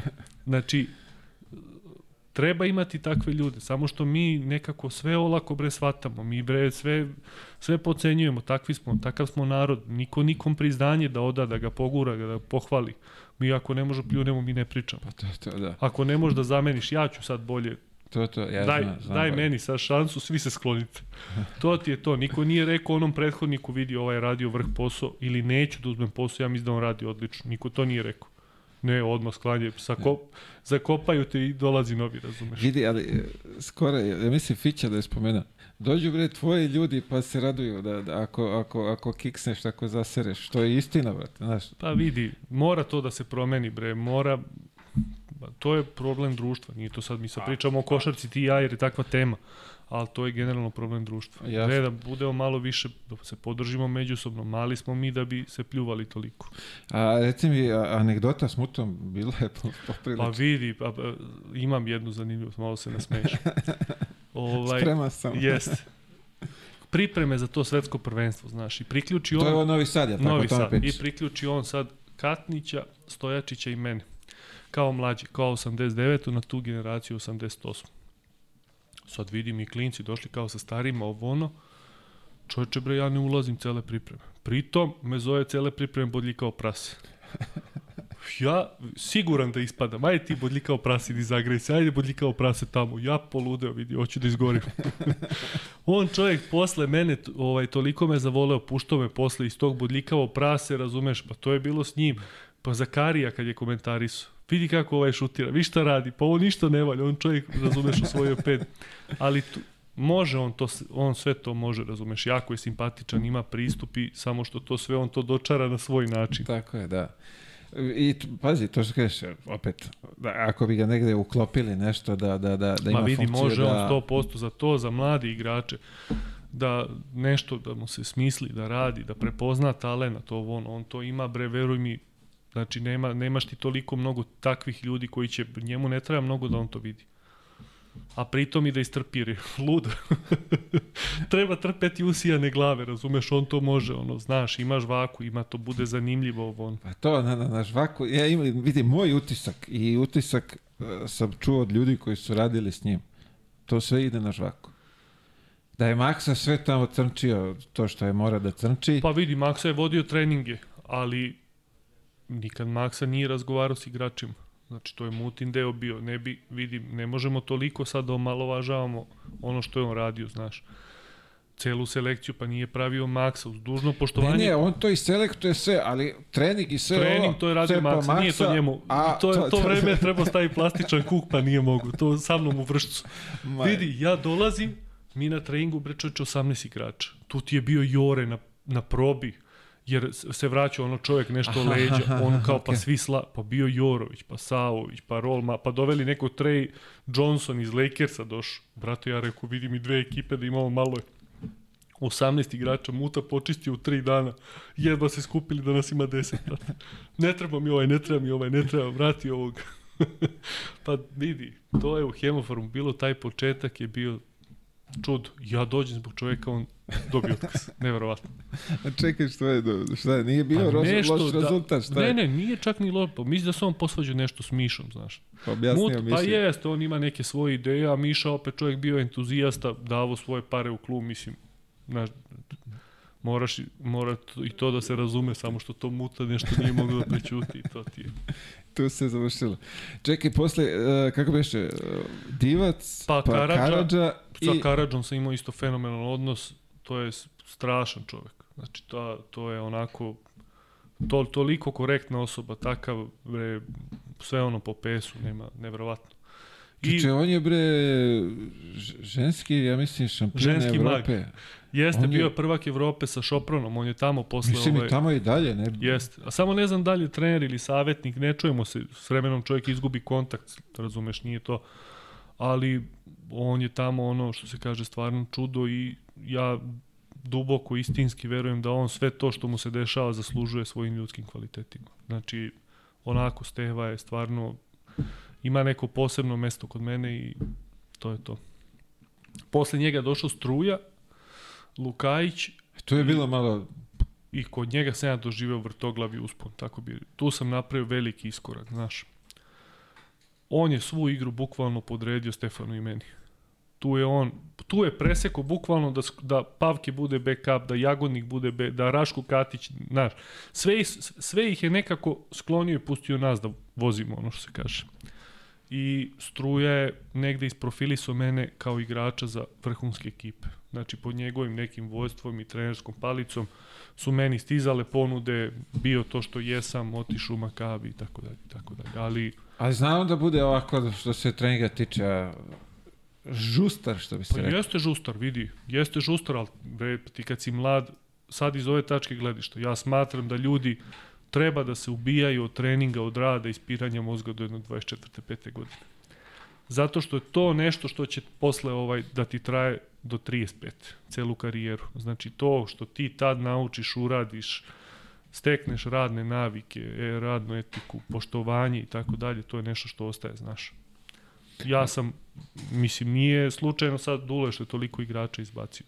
To, to ne može da bude slučajno. To je besumučni rad dok si mlad. I ti ne možeš ti iz rada... Što bi se reklo, dok nisi pogrešno naučen. Imao je Dule jednu frazu, kaže, bolje je pogrešno raditi nego ništa ne raditi.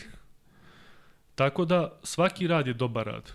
Mislim, nije sada ti neko kaže, idi ti tamo bend 200 kila. Nije to dobro. Ali ti kad si mlad, tvoje telo ne poznaje granice, ja mislim da mladi ljudi, mladi sportisti, deca i tako dalje, savet jedini koji bi im dao, da se ubijaju od rada dok su mladi. Posle će to eksploatisati, naplatiti, isprofilisati se i tako dalje. Ali to do 23. četvrte, pete, znači bukvalno suvi rad. Kako ti objasniti sa detetu od 18 godina da do 24. treba naporno da radi? Pa jako teško jer se generacije menjaju, mora pristup da bude drugačiji. Znači danas je sve u pristupu, danas evo ja sad pričam o košarci, ali mogu da isto to da, da ja sve što sam naučio iz košarke primenjujem i u svojoj firmi. Znači sve neke principe. Danas je upravljati i raditi s ljudima najteže. Ti njima moraš da nađeš žicu. Zato je teško biti trener. 12 igrača, 15 pa, 15, igrača. Da. Znaš, tako da moraš da nađeš žicu, mora budeš dobar u upravljanju ljudima, ubeđivanju, motivisanju, pogotovo, a mladi igrači su tek specifični, vidi u 18 godina, pa neće, mali broj njih razmišlja, meni je košarka sve, neću ništa drugo. Bitan mu je i Sony, i devojke, i izlasci, i sve mu je bitno i košarka mu je tu negde, razumeš? E sad, tvoja uloga kod trenera ili ne znam čega, treba bude da to sve on odbaci, malte ne, i da se posveti. A da mu priđeš na neki onako uh, zanimljiv način da, da ga, znaš, pa, da, da ga, je. tako je, da ga ne mi, poremetiš, a da, da ga malo pa ono, jeste, kanališeš. Svi smo, mi, svi smo mi različiti, ne možeš ni svakom čoveku da priđeš na isti način, nemamo mi svi istu žicu.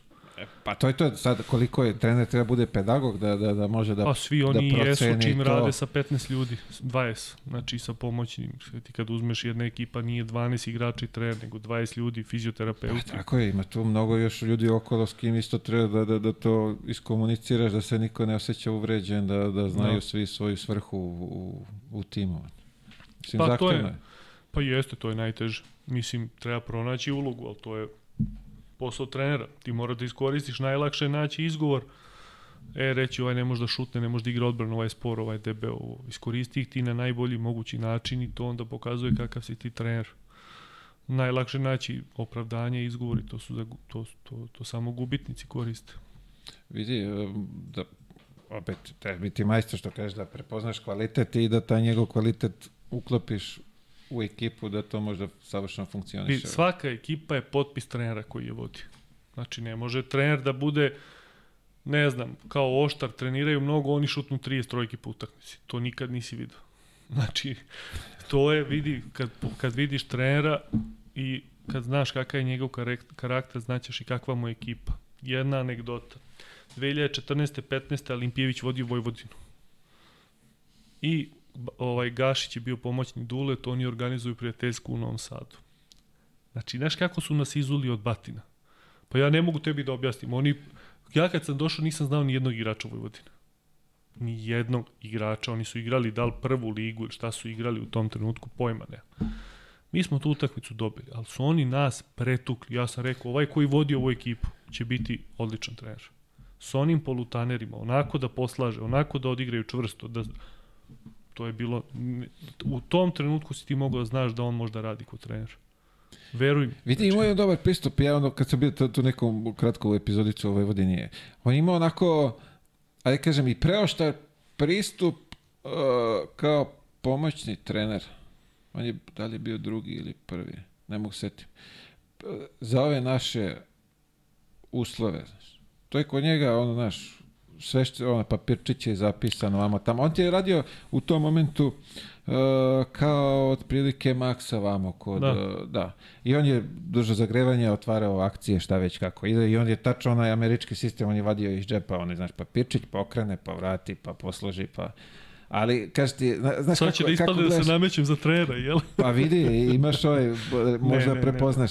Ovaj, da, hoću ti kažem da je u, u tom momentu, znaš kako mi doživljamo ono, igrači kao pomoćni treneri, A, vidi, pa ne shvataš da. ga mnogo ozbiljnije nego prvog trenera, znaš. A on je tad već ono pokazivao neki auri- Pa autoritet. ozbiljan, ozbiljan, mislim da je, nikad nisam pričao s njim, ali mislim da je ozbiljan momak, tako izgleda, tako radi, tako mu ekipe izgledaju, nema tu bre, pa ja sećam, nama je Repeša bio trener u Milanu. To je bilo propast. Ne zna se šta je bilo gore, brate. Mi smo tu i osvajali neke trofeje, znaš. Prvenstvo Italije, dva kupa, dva super kupa, ovo ono u Euroligi bili zadnji. Jednostavno svaka ekipa ti je, brat, potpis trenera. Znači ne može, nemoguće da ekipa izgleda dobro, a da trener radi loše ili obrnuto. Nema to, to, to je usko je vezano. Tre, igrači prenose ono i opet nemaš ti trenera čudotvorca, sada on nacrta akciju i sad će svaki put iz nje da padne koš. Onda je tu do igrača, njihove pripreme, kvaliteta i tako dalje, ali manje više to je jako usko vezano i podudara se. Jasno, jasno. Ajde doćemo posle do, do Repeše i do... do, Što tako, brate? Ima tu Jasko je zanimljivih... kralj. Jasko kraj, ima tu zanimljivih priča. Ovaj, kako, šta se desilo ti, odakle u Makabi, u sred sezone, ti si otišao negde, šta je to Pa vidi, bilo? tu je već uh, Miša Babić prodao Hemofarm Štadi, kompaniju, i Štada je najavila da će lagano da izlazi iz kluba, znaš. A, to je to priča. I mi u tom trenutku već nismo dobili tri plate, to je bio decembar, znači bukvalno od početka sezone nismo dobili ništa. S ove tačke gledišta možda sam napravio grešku. Nisam, zato što mi je Makabi bio san, jer se sad vraćamo da smo mi sa FNP-om išli na sva moguća turnire ovono. I jedan od turnira je bio Dobar. Nemanja Aleksandrov je tad bio vođa generacije, mi smo išli na Final Four u Tel Aviv. I Makabi bio prvak, ja to kad sam vidio, rekao sam ja u životu, ako budem igrao, mora da igram za Makabi. I namešta se situacija, stvarno mene zove Blati, kaže da dođem u Makabi. On te zvao. Jeste, Blati. Či s njim se razgovarao? Da. Blati ovaj, bio trener. Da, da, da. Međutim, a, pred početak te sezone mene Duško Ivanović zvao u Baskoniju. Ja ne znam što ja nisam potpisao tamo. Ja sada vra, da mogu da vratim... Čekaj, ostao si, znači, u, ostao Vidi, si u to je pre, pred početak sezone, mi kao pregovaramo s Baskonijom, ja treba da odem tamo. Što ja nisam otišao? I on me čovek zvao i u telefonskom razgovoru kaže Milane, kaže ja ne zovem inače igrače, hoću te ovo ono. Ja kažem, ja ne znam, sada me pitaš, ja da mogu da vratim vreme, ja bi odmah otišao kod Duška. Bez obzira što oni sad pričaju, trenira se 10 sati, dva, ja bi bio idealan za njega. A čekaj, Znači- šta sam mu rekao? Ne, hvala Pa ne, nisam mu rekao ne hvala, da li su to preuzeli menadžeri. Ja sad ne mogu tačno da se setim kako je to se izjalovilo, ali ja da vreme mogu da vratim, ja bi ga vratio i otišao kod Duška odmah. Znači, odmah. I tu je krenula sezona, ja sam tu krenuo jako dominantnu sezonu. Ti si nešto tad bio MVP lige, Ma da, tako bre, nešto, nešto tipa si. 35 indeks u proseku po utakmici. Mi smo krenuli strašno i u Eurokupu i Jadransku i sve je bilo super. I stvarno se pojavi Makabi i ja kažem ovima iz kluba da bi ja da idem. I tu smo se natezali, na kraju je tu Hemofarm uzeo dobro obeštećenje, ja sam se odrekao tih plata što su mi bili dužni i tako sam ja završio Makabiju, potpisao ugovor na 4,5 godine. Bez izlaza, cement ugovor. I ovaj i tu ne bi direktno ni rekao da je to sad bila greška, teško je kad menjaš klub u sred sezone, zato što dolaziš na nešto što je gotovo, oni su mene uzeli za projekat, neki Za za, budućnost, četiri a da. ja sam bio pun sebe i mislio, ceo svet je moj, MVP sam svega, pomerite se, stiže tata. S 20 godina. A ti dođeš Jest, tamo. ja dođem tamo ovaj, i tu nikad stvarno nisam ni krivio Makabi, uvek sam krivio sebe, jer sam sa, 20, ne, sa 21 godinom ovaj, bio nespreman da budem stranac, to je pod broj 1, i sa nekim ubeđenjem da su oni samo mene čekali da ih spasem, razumeš? Što je pogrešno, što je jako Mesija. pogrešno, razumeš? I ovaj i ta epizoda je trajala kratko. Kad smo se dogovarali posle, oni su hteli mene da pošalju, da naprave neki sličan put što ima Nikola Vujčić. Da me pošalju u Francusku, ja odigram godinu dana, vrate me i to je to. Meni je ego, zamisli ta ego s 22 godine, budal, glup čovjek, da imaš ego s 22 A to je, zato godine. malo pre, zato malo prepitam, kako ti detetu od 18 godina objasniš, ej, prijatelju, do Ma 24. moraš sam da se olupaš, ali moraš da imaš pedagoge kao što je Dule Vujošić, da te jaše svaki dan, da ti ne da mira, da ti ispere mozak. Drugačije ti ne možeš da shvatiš to. I znači s 22 godine i egom visokim i najbolji ja, ja i samo ja. ovaj, oni odluče ljudi da me pošalju na pozajmicu, ja sam tu bio jako uvređen. Čekaj, uh, Znači, odigrao sam godinu dana, krenula, izgubili smo od Željka finale Evrolige u Barceloni. Tu sam ja igrao, imao sam ja tu ulogu. Nije to sad bilo da su oni mene stavili na stavili- klupu i to Ne, ja to. sam ti bio negde otprilike granica četvrtog i petog visokog. Znači, dobio Mhm, sam nekih 10, 12, 15, ako odigram dobro 15 minuta, znaš. I ovaj, i oni kao da idem na pozajmicu. Ja se tu naljutim smrtno, ovo ono. A gde ste slali, znaš, gde se Pa bio je uh, Šalo, Šole. Šole, okej. Oni su te godine, ja mislim, igrali Evroligu.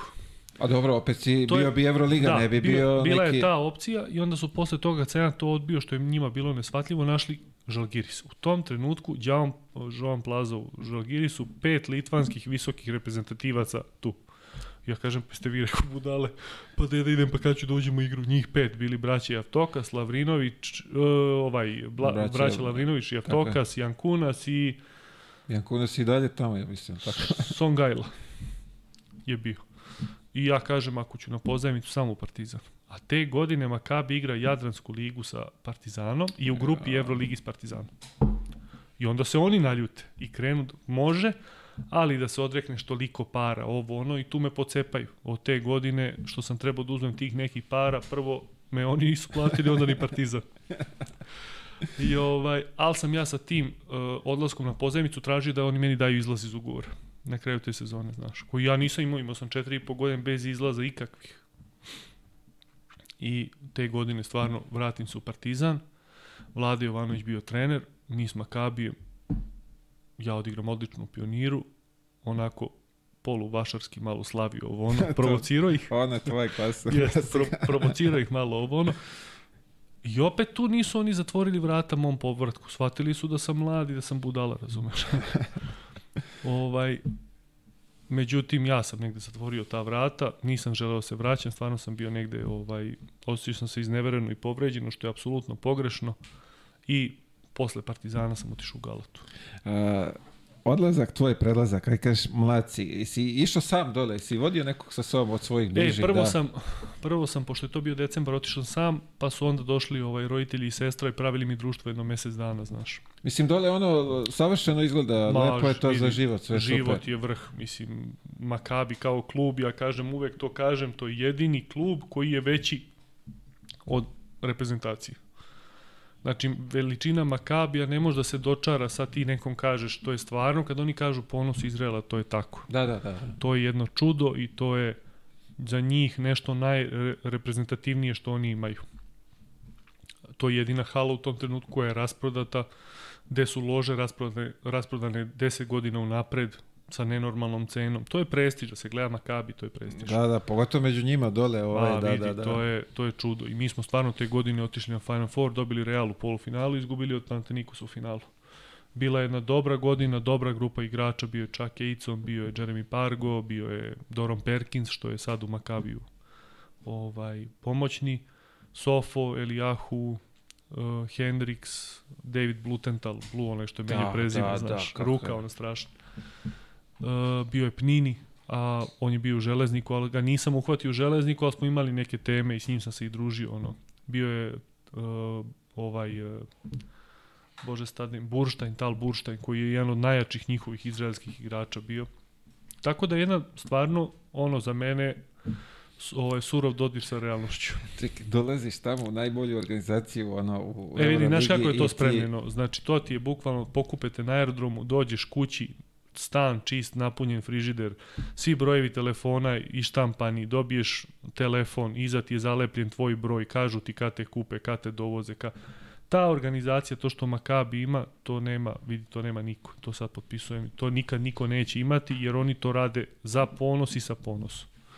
Tako da to je druga dimenzija. Ovo sve je okej, ali Makabi je Makabi. Dođeš tamo i nezadovoljan. U, sve, u sve to što je sam i- savršteno da, napravljeno. ja sam mislio oni će mene dovesti da ja sad tu igram, razumeš? To ti, Zna, ali to je to kad si mlad, ti bre nisi svesta toga, očekuješ mnogo. E, zato ti kažem, ja da sam u tom trenutku pred tu sezonu otišao kod Duška Ivanovića, on bi me otreznio odmah. Re, resetovo biti. Resetovao bi me, rekao, druže, to, to, to, i on bi od mene napravio ovaj igrača. E sad, ajde, ja sam kažeš, otišao kod... igrača, Pa si vidi. opet izrastao u ozbiljnog igrača, ali verovatno bi... Za stepenik ozbiljniji igrač bio, zato što u Makabiju su treninzi bili sat vremena. Je, dolazio sam ja kao nešto ranije, radi, malo održavam formu, ovo ono. Američki sistem. Pa, brate, znaš kad bi to bilo kod Duška? U 21 godinu treniraš sat vremena. Propast. Bolje da ste... Bolje, bolje da ti kažu ne igraš sad mesec dana i sunčaj se nego to. Pa vidi Mile, to, je- to je suro, mislim, to je bre iskreno da ti pričam Pa sad znam, ono, vidi, svestan sam, prošao sam ja, ne, možda ne na Znači- tom, ovaj, u stvari jesam, na, znam kako to izgleda, To ali je, brate, ti, ti moraš da tad- se ubiješ od rada, 21 godina. To mora da puca, bre, da ne izlaziš iz hale. Pa ti, pa lju- oni ne shvataju da oni kroz rad stiču samopouzdanje. Pa ne možeš ti da imaš samo, to, to ima možda tri, tri čoveka na svetu da ne radi da imaju samopouzdanje.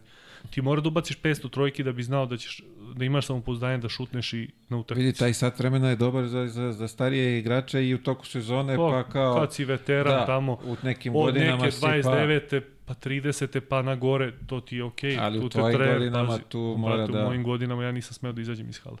Tako da ste, ne krivim njih, kažem da je to bio Jasno, pogrešan da. izbor, ali sam tu negde dečaka u sebi zadovoljio i ono što sam ja zamislio, to je bilo to. Saradnje sa Blatom. On mi nekako izgleda onako, do, bar stičeš utisak da je onako ok, miran, poučen, dobar čovjek. Pa, prvo, znači, ono što sam ja učio do tad i neke sisteme košarkaške, to je kod njega sve kontra. znači, kao neškol, To je ono kao sve što, si, neškolovan da sam sve što došao. si znao do sad zaboravi. Pa dobar je tip, ne mogu ja sad, vidi, čovek koji je napravio tolike rezultate, sad bi bilo pogrešno da ja kažem, e, nije me voleo, ja bi to sad tako, pomogao bi mu ovo, budalaština. On čovjek, vrhunski trener, osvajao Euroligije, s reprezentacijama osvajao medalje i ja zato kažem, greška nije njihova ili njegova, što se ja nisam pokazao, nego isključivo i samo moje. Kapiram da si imao u tom momentu i neke razgovore s njim, ne, ne, ti ono... ne, ne priča on s igračima. Zezaš? Ne priča, jako malo, to je uglavnom neki ša- šaljiv tonalitet, obratiti se nešto ono, ali nema tu sad Pa ja sam mislio ono kad si došao tamo pa ti rekao, ej, slušaj, uloga mi je takva pri, i to je mi to. smo pričali preko telefona, nikad on tu ulogu nešto sad specijalno nije spominjao ili definisao. Dalje i to možda bila greška u razgovoru, možda jeste, sad kad ti kažeš tako, možda jeste. Ali ništa ja Mislim, tu sad bar ne da bih ti je menjao. nabacio šta da očekuješ. Da ne bude Ništa kao, ja tu ne bih menjao, veruj mi i, i, i zahvalan sam što sam bio deo takve organizacije i što mi on bio trener i nema, nema tu ništa, ono, Jasno, ništa drugo da. da dodam. Uh, ova pozivnica u Partizanu, to je isto onako bilo... Pa to je bilo, vidi, to, tu ja sam zapeo samo Partizan i to je to, ništa drugo, znaš, jer sam teo da igram. I tu je Vlade Jovanović preuzeo Partizan koji mi je bio trener u reprezentaciji, A bra, mlađim kategorijama. I ja sam znao da kad dođem kod Vlade da sve će to da legne na svoje, znaš. Stvarno je to bilo super, ovaj, potrefilo se, mi smo te godine dobijali velike utakmice, na kraju smo nesretno ispali iz Euroligije, izgubili od Milana kući tipa 7 razlike, a mogli smo da izgubimo 5. Slagaću te tako nešto, to je ona godina kad je bio lockout, kad je Peković bio, Mhm, zamisli mhm, naša mhm. centarska linija ti je bila Peković, Raduljica, Raško Katić. Znači, to su tri ozbiljna centra. Mislim, ovaj NBA, Radulja koji je napravio vrhunsku karijeru i Raško koji je posle toga nekako još kasnije sazorio u kasnijim godinama i opet igrao i u Zvezdi Evroligaški nivo. Tako da je to bila za mene jedna super godina, pa tu smo igrali finale, ovaj, igrao si u Zvezdi, ovaj, ona... Da bre, to je tad, ja. Pa da, to sad ti je kad, ona... kad spominješ Pekmana, ali nismo mi, Pekman je nešto bio kratko, Pa nismo on je bio stigli do- da... On je bio do... Ne znam ni kad se završio taj lokal, to je nešto kratko trajalo. Pa ja mislim da je on bio možda do jednog početka decembra. Znam da smo zadnje dve utakmice odigrali bez njega. Charloa tamo, koji smo, da smo dobili, mi bi prošli, međutim, Raško ode, udari nekog tipa, ovaj se povredi, oni se napale ko pene i dobiju nas, počiste nas. To nije Raško A vod, u tom trenutku mi vodimo 10 razlike. I on ode, udari nekog, znači, veruj mi, znači, ono, iščista. A nije Raško voleo da udari, on je onako uvek Da. to džentlmenski radio. Jeste, jeste, jako. ovaj, I onda smo tu zadnju utakmicu igrali protiv Milana to je ono sa Skariolom Milano koji je bio jako dobra ekipa, ali ništa nisu igrali. I oni nas dobiju, Borusi prelomi sa dve trojke na pop, pick and pop. I ovaj, tu smo onda završili sezonu u Jadranskoj, izgubili tamo u, u, u Tel Avivu je bio Final Four, izgubili od Cedevite polufinale i Makabi osvojio Jadransku. A dobro, da, to je. To im je falilo jer se sećaš da su oni na posnivanju Jadranski igrali jednu godinu i Zadar bio prvak. I onda su se oni te godine ubacili u Jadransku samo da bi osvojili da ne bude da im to fali. Znaš. Majke, Pa ti da. čekaj, zar nisu oni već jednom nešto... Pa to je pot- Koliko su puta one ulaze u Jadransku? Pa dva puta, Dva puta. jednom na početku i Zadar dobio i sad su se vratili čisto Čekaj, da dosva. oni sprdaju. Koja Pa to zamisli ta putovanja, čoveče, zamisli Pa iz znam, Tel pa ideš da. sad, ne znam, široki brijeg. Ali pazi to, ali to je i Euroliga u tom momentu, znači ti si bre u I avionu. izraelsko non-stop. prvenstvo. Da, a dobro, to kapiram, mislim, hoću kažem mala Pa je... vidi, nije naivno za igranje. Mnogo Ne, Amerikanaca. ne, hoću ti kažem, destinacije su Pa- kratke. Pa to, je... je, to opet treba ti da odigraš tu utakmicu, brate. Ja. Znači, mislim, realno, nije ono naivno za igranje, mora dobro da se spremiš i nema problema. Kad ti daš 100% i onaj ko je gori od tebe 100%, dobio si, imaš veći kvalitet, ali ako ti radiš nešto u leru, ovaj 100%, automatski Da, da, se da, da, kvalitet da, da. ovaj neutrališe i onda je sve otvoreno. Bravo. Vidiš, da, upravo si, mi smo bili ovaj, učesnici čuvenog onog finala U Železniku. u železniku i Pa to je verovatno najveća sramota. močanja ni skičmo, što bi rekao. Vidi, ono je, ja se sećam kad smo završili utakmicu, toliko smo ispljuvani bili, A, brate, bilo kad sam ušao, ono je, mislim, Ono je bilo užas. onog se stvarno nerado sećam i, i ovaj, ja mislim da ni ne spominjem to, veruj mi, smo to osvojili, ja to nikad u usta nisam uzo jer mi je odvratno. Užas. Tako da eto, i posle tog Partizana sam otišao u Galatu, bio sam dve godine u Galati, kod Atamana, E, to je jedna veoma ovaj, zan- zanimljiva e- epizodica. jeste. Sa, sa, ko je sad, uh, si zatekao Kizu Ercega dole? O, ja sam došao pred njega, on je Pre, došao on je dolazi godine. posle tebe. Jeste. A, I onda smo tu- igrali godinu dana zajedno.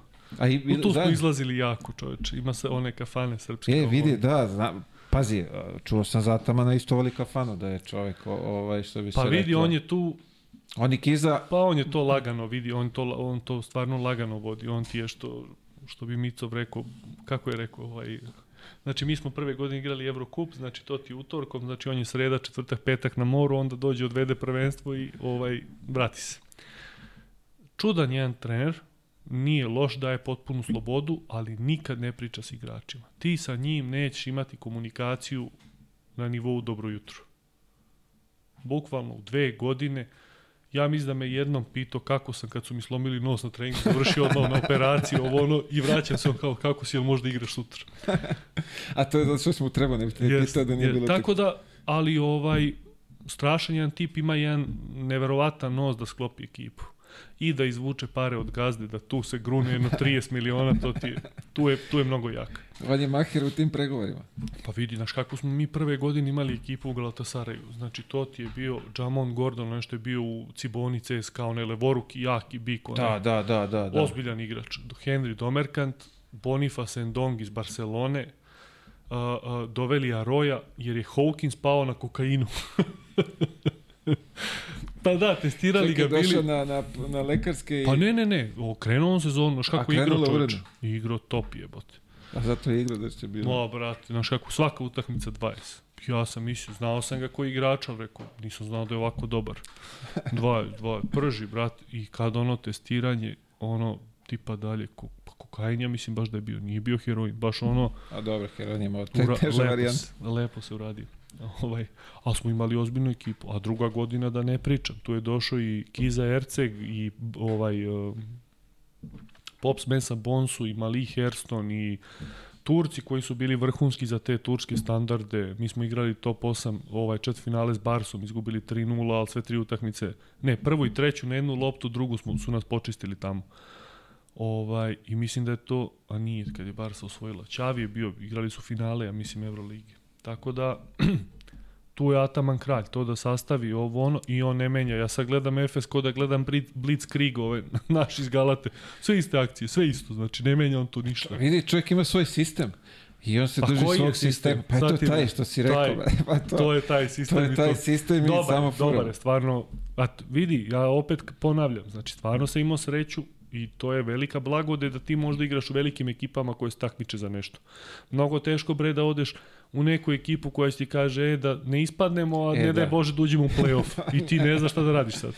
To je mnogo teško. Play-off, to je trošak dodatno. Pa trošak dodatni. Tako da to je mnogo teško, a ja sam imao sreću da uvek tu ekipe imaju visoke ambicije i da su ovaj ljudi koji su me okruživali bili vrhunski.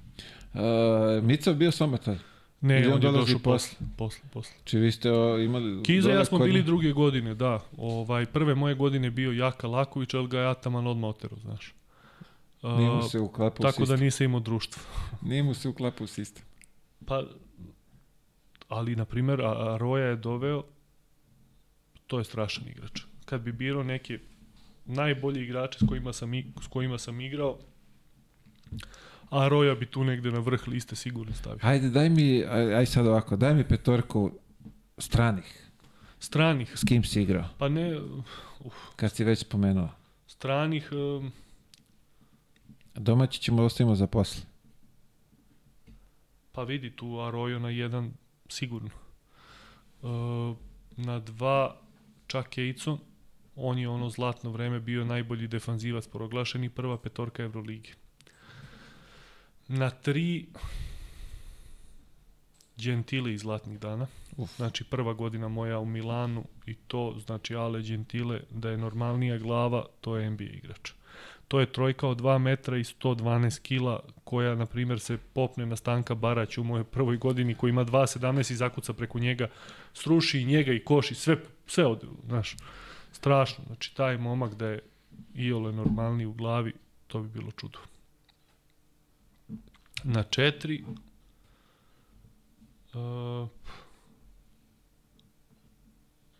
pa šta znam s kim sam na četiri Pa ne može tako, ne može da se definiše sad na do, strane i Pa vidi, ja, jako mi je teško da kažem zato što na primjer Akim Sanders u Milanu igrao strašno, igrao je krilnog centra, on i ja smo se dopunjavali. Ali on nije čista četvorka. Imao sam u Bayernu Danila Bartela koji je bio moja zamena, ali je posle čovjek stvarno napredovo, izdigo se da je, da je bio na nivou za Fenerbahče, za ovo, za ono. Uh, u Galatasaraju bio je Pops Mensa Bonsu, to je takva zver bio, znaš šta je to? Znači, to je Kako je on atleta? lo, lomi, pa on je pobeđivao ono takmičenje čuveno u zakucavanjima u Rusiji na VTB ligi kad su bili on, onaj Gerald Green i ono Pops, Pops je dobio, znači to je to, to lomi kožbe, čovjek leti neverovatno. Tako da Boniface Ndong, na primjer, na pet, on je iz Barcelone, iz svog nekog vrhunca došao, znači to je profesionalac, defa, defanzivno gledano, možda najbolja petica s kojom sam igrao. Znači, to je tajming za rampu, za ovo, za ono, Da, vraća onaj na pola, batica jest, se vrati jest. lagano. Tako da, bilo je tu, brate, stvarno je bilo oz, preozbiljnih igrača. Preozbiljnih. Ali Kiza, pored tebe, Jeste, bili smo Kiza i ja. Od te druge godine je bila ekipa strašna. Stvarno strašna ekipa. Kiza se tad vratio iz CSKA, je tako? Jeste, on je ono Bešiktaš s Atamanom osvojio sve, otišao u CSKA i bio godinu dana i vratio se. Ovaj, tu je bila onako i konkurencija, imati mesto u ekipi bila ozbiljna. Znači, Domerkan se nije skidao, Jamon Gordon se posle povrede izgubio mesto, čovjek se nije skidao. Znači, vidi, to je bilo I izuvanje. pri tome nemaš komunikaciju s trenerom. Ne znaš ti šta Da, je da. u pitanju Pa, ili kako. takav je, on tako radi. Mislim, ja pričao sam baš i sa Vasom. Vasa kaže da se on promenio. Mislim, možda se i promenio. Neko je rekao sad, ne mislim, beše Micov da je sad malo ovaj kao da, da se Poč- uključio. Da, da se uključio, su počeli da treniraju. to, to. Pa vidi, verovatno jeste, ne bi čovjek osvojio. On je To trebao i tri Evrolige. Sećaš se kada je korona, kada je Partizan ono za Da, Evrokup, da, da. što mi grobari kukamo. Oni su trebali Evroligu da, ovaj, da, da osvoje. Bili su ubedljivo prvi, pa su osvojili dve za redom i veruj mi za mene ne bi bilo iznenađenje da oni ove godine opet osvoje Evroligu. Sa Klajburnom to što su dobili, oni bolje nisu mogli, to je jedina pozicija gde su oni mogli da se pojačaju. Šta će onda se pojačava na 1-2 Larkin, Micić ili na ne znam. Znači jedina pozicija gde on mogo da bude bolji, ovaj, on je bolji. To je Da. da. ko Manchester City. Nema koga da dovede, oni dovedu Haalanda. Jedina pozicija gde mogu da napreduju. Vidi, Maher je za te neke stvari, ono, i, i kroz priču što sam čuo da, da to... Pa vi, Što, to mislim- što ti kažeš da izbije pare gazdi iz džepa, da Pa se vidi, otvori, da... on da posloži gazdi priču da ovaj treba da tri, pa mi smo u Galatasaraju, veruj mi, ja ne znam koji je to budžet bio, ali druge godine, pa Smenhra, 100% je bio preko 30 miliona. 100, znači, 100%. Jeba. Pa čoveče, nama Domerkant i Gordon se ne skidaju po milion i po. Nisu imali mesto 12. Za trening. Pa ne, ne, ne čo, ljudi se bre ne skidaju, čoveče, šta ti? A njima Ali je lepo. dobar tip, vidi. e, Ne mogu ja sad kažem, on to što radi na tom nekom čovjek dve Evrolige, nema šta da mu kažem. Ne ono u, u 20 godina, nego godinu za godinu. I osvojit će treću. Evo, da kažem. Pa ajde, vidjet ćemo da bit će zanimljivo, ali... Pa nema ko da im parira, veruj mi. Oni su sad malo posložili da se oporavljaju iz povreda, ali ja sam Rea- mislio da će Barsa malo da se posloži, međutim oni isto pa vidi, kubure. možda je to njihova taktika. Znači oni su prethodne dve godine bili dominantni, prvi u regularnom delu, pa kleknu, ne mogu da Tako završe je, sezonu. kraju. Nekad, nekad i nije dobro da ti dostigneš vrhunac, to u stvari nikad nije dobro. Da ti dostigneš vrhunac u novembru, decembru. To ti je propast, to znači da ekipa nema šansu za dalji napredak. Da, da, to pada posle, ne možeš skupiš. Jeste, tamo najrealnija slika ti je kad gledaš ekipe tamo od februara. To posle kupova nekako... Pa, znaš, tu se već kristališe, tu se ekipe dižu ili tonu kod Titanic, tu nema sredine. Znači, tu ti je cilj da od februara ti budeš u, što se kaže, ono, u, naj, najboljoj formi i to je to. Pa ajde, vidjet ćemo, sačekat ćemo kupove pa da vidimo. Da. E, život u Istanbulu. Pa Istanbul je super. Mi smo tamo uzeli i neki stan. Nama se mnogo svidelo. Ovaj, to je već period kad sam krenuo sa suprugom da živim, tako da nama je stvarno nam je bilo dobro. Prvih tri mesa jako stresno, jer oni ne pričaju engleski, ogroman grad. Ne znaš bre kome da se obratiš, ko da ti pomogne. A mentalitet ljudi dobri su sli, mi i oni smo slični i onda je to, razumeš, ono. Ali posle toga kad se navikneš na grad, na gužvu, na njihov način razmišljanja i sve, to je jedan od boljih gradova za život. Pa svi kažu, oduševljeni su dole Ma da i je rokaš jako jedeš, brate. Meso, kolači, ovo, šta hoćeš. to... Ima sve. Sve ima. Sarmice sa zeljem. Vidi, jaka, ozbiljno dobra klopova. Pa, Pa to je nešto mi, to pa je sve, to, da, Mile, pa to je- ti je isto, bre. Nema tu sad neke filozofije, to što mi rokamo mesa toliko, ovo, to ti isto Pa i to tamo. ostalo od njih, brate. Ostalo od njih, kako se zove, Ne. ovaj, na... Ili, smo, ili su oni povukli od nas, ali nešto je, ovaj... Neko je ne, ne, nekom nešto ostavio u amanet, To, to, to, sad to. ne znam još. Ali dobro, vidi ja one pistaće, ove baklave njihove s pistaćima, to je... Ma super je život, brate, stvarno. Pa mislim za grad od 17 miliona, znaš koliko je to mogućnosti za neki društveni, socijalni život mimo, mimo sporta. I opet, i tu sad opet da kažem, opet sam imao sreću da sam živeo i igrao u vrhunskim gradovima. Tel Aviv, Istanbul, Milano, Mihen i Tokio. Pa ovaj, nema tu sad nešto mnogo da se doda. Pa vidi, da, i, istina. A, Milan, jedna zanimljiva destinacija, beše i... U, tu mi je, uf, taj uh, Milano je meni legao savršeno. Znači, mene je Jasko doveo, ne znam, prvo, za, zašta, ne definisan. Ovaj, početak je bio turbulentan, jer bukvalno posle, me, nikako nismo uspevali bre da se posložimo kod tim. Nikad nismo bili tim. Mi bukvalno nismo imali hemiju. Mi smo najbolji bili kad je bilo jedno 4-5 povređenih. Kad nema izmena i tu smo kraljevi bili. Tu stvarno ozbiljno smo igrali dobru košarku. Ozbiljno. Ali kako krenu rekovalescenti da se vraćaju, to ti uvek mač sa dve oštrice, jer oni se vraćaju da te spasu. Razumeš, ovo sad sve pada u vodu, sad ja dolazim i to ti je to. A čekaj, šta je, što su dobra imena toliko, da, da su ego toliki, šta je, šta je Pa problem? nije, bio? vidi, mislim da je Ili to... Jasko nije posložio kako treba? Pa mislim da Jaskova uloga bi morala bude to da on složi. Ti si tu imao upliv nekog Livija Prolija koji je bio desna ruka Đorđe Armani koji je bio predsednik kluba, koji je volao prstiće da umeša, razumeš. Tu je, mislim, Jasko morao da postavi jasnu granicu, e, ti možeš toliko, Prijatelju, dotle drži i se tamo drži se tamo i da. to je to. Međutim, on je valjda, ne znam, na početku napravio grešku i to je onda bilo sve zbrda s dola. Ma naš hemija u ekipi nula. Ravna nuli. Ma i minus čak. ovaj. I posle jedno dva meseca meni se raspe, ovaj, udarim u Gentila, nešto se bacim za loptu i on natrči sve snage, udarim u njegovu nogu i raspe mi se kost u šaci, tipa 23 preloma na jednoj kosti. 23, evo. Da, da, ovako mala kost, znači ovolika. I ovaj, Ugrade oni meni dve pločice, ali tu sam bukvalno mesec dana nisam igrao. Ali sam se vratio da sam u četvrtoj nedelji igrao utakmicu protiv CDVita. I ti se vratio da spasiš. Ja se vraćam, to je to, samo su mene čekali. I ovaj, u suštini, ja sam se u tom ludilu i nekako i snašao. Veruj mi, meni je bilo dobro. I igrao sam dobro. Ček sad kad si rekao, bre, čoveče, pa mi smo igrali gore u Bormiju, je li tako? U Bormiju, prijateljsko, Tako je, dobro da. se setio. I sam ja tad bio sa, sa, sa, sa, sa Monakom. Sa Monakom si ti Da, bio. nešto pripreme. Da, sećam se. Da, I- da, da. To ti je... Onako, bre, meni je to odgovarao taj haos. I ovaj i tu sam se pri, pritom fizički stesao, tamo su ugovor je bio krajnje čudan, znači dozvoljena, dozvoljen body fat do 13,5, ne smeš da pređeš na vagi svaku ponedeljka merenje, odbijati se od plate procentualno, druga opomena procentualno, treća, četvrta može raskid ugovor. Ja sam bio takav vojnik, vidi, ko, ko manekinka, pred merenje idem povraćam, znaš. Šalim se, ali stvarno su me doveli u red te strane da sam ja bio tip top. Znači, je, to je, sad ne znam, sad cele, se, celu karijeru sam igrao tu nešto na 114, 115, 116 kg, u Milanu sam imao 108, 109. Vidi, sad kad si rekao ovaj maneken, to, su, to je povezano, matori. Oni su tebe stesali da ti možeš posle da obučeš Jest. njihove Pa modele. bar imam glavu za to, razumeš? Veliku aramu, to im je odgovaralo. A, Ovaj. Jaj, čekaj, brate, sad kad si rekao ravnu glavu. Uh, zvezda to sa Pešićem kad je bilo. Da, Ti se tad nešto kratko šišao. brate. skoro ćelav. Tako je. I radimo mi neku kasetu, nešto s vama, pripremamo se i Kari se okreće. Kao, je li a on namjerno ovako ovo?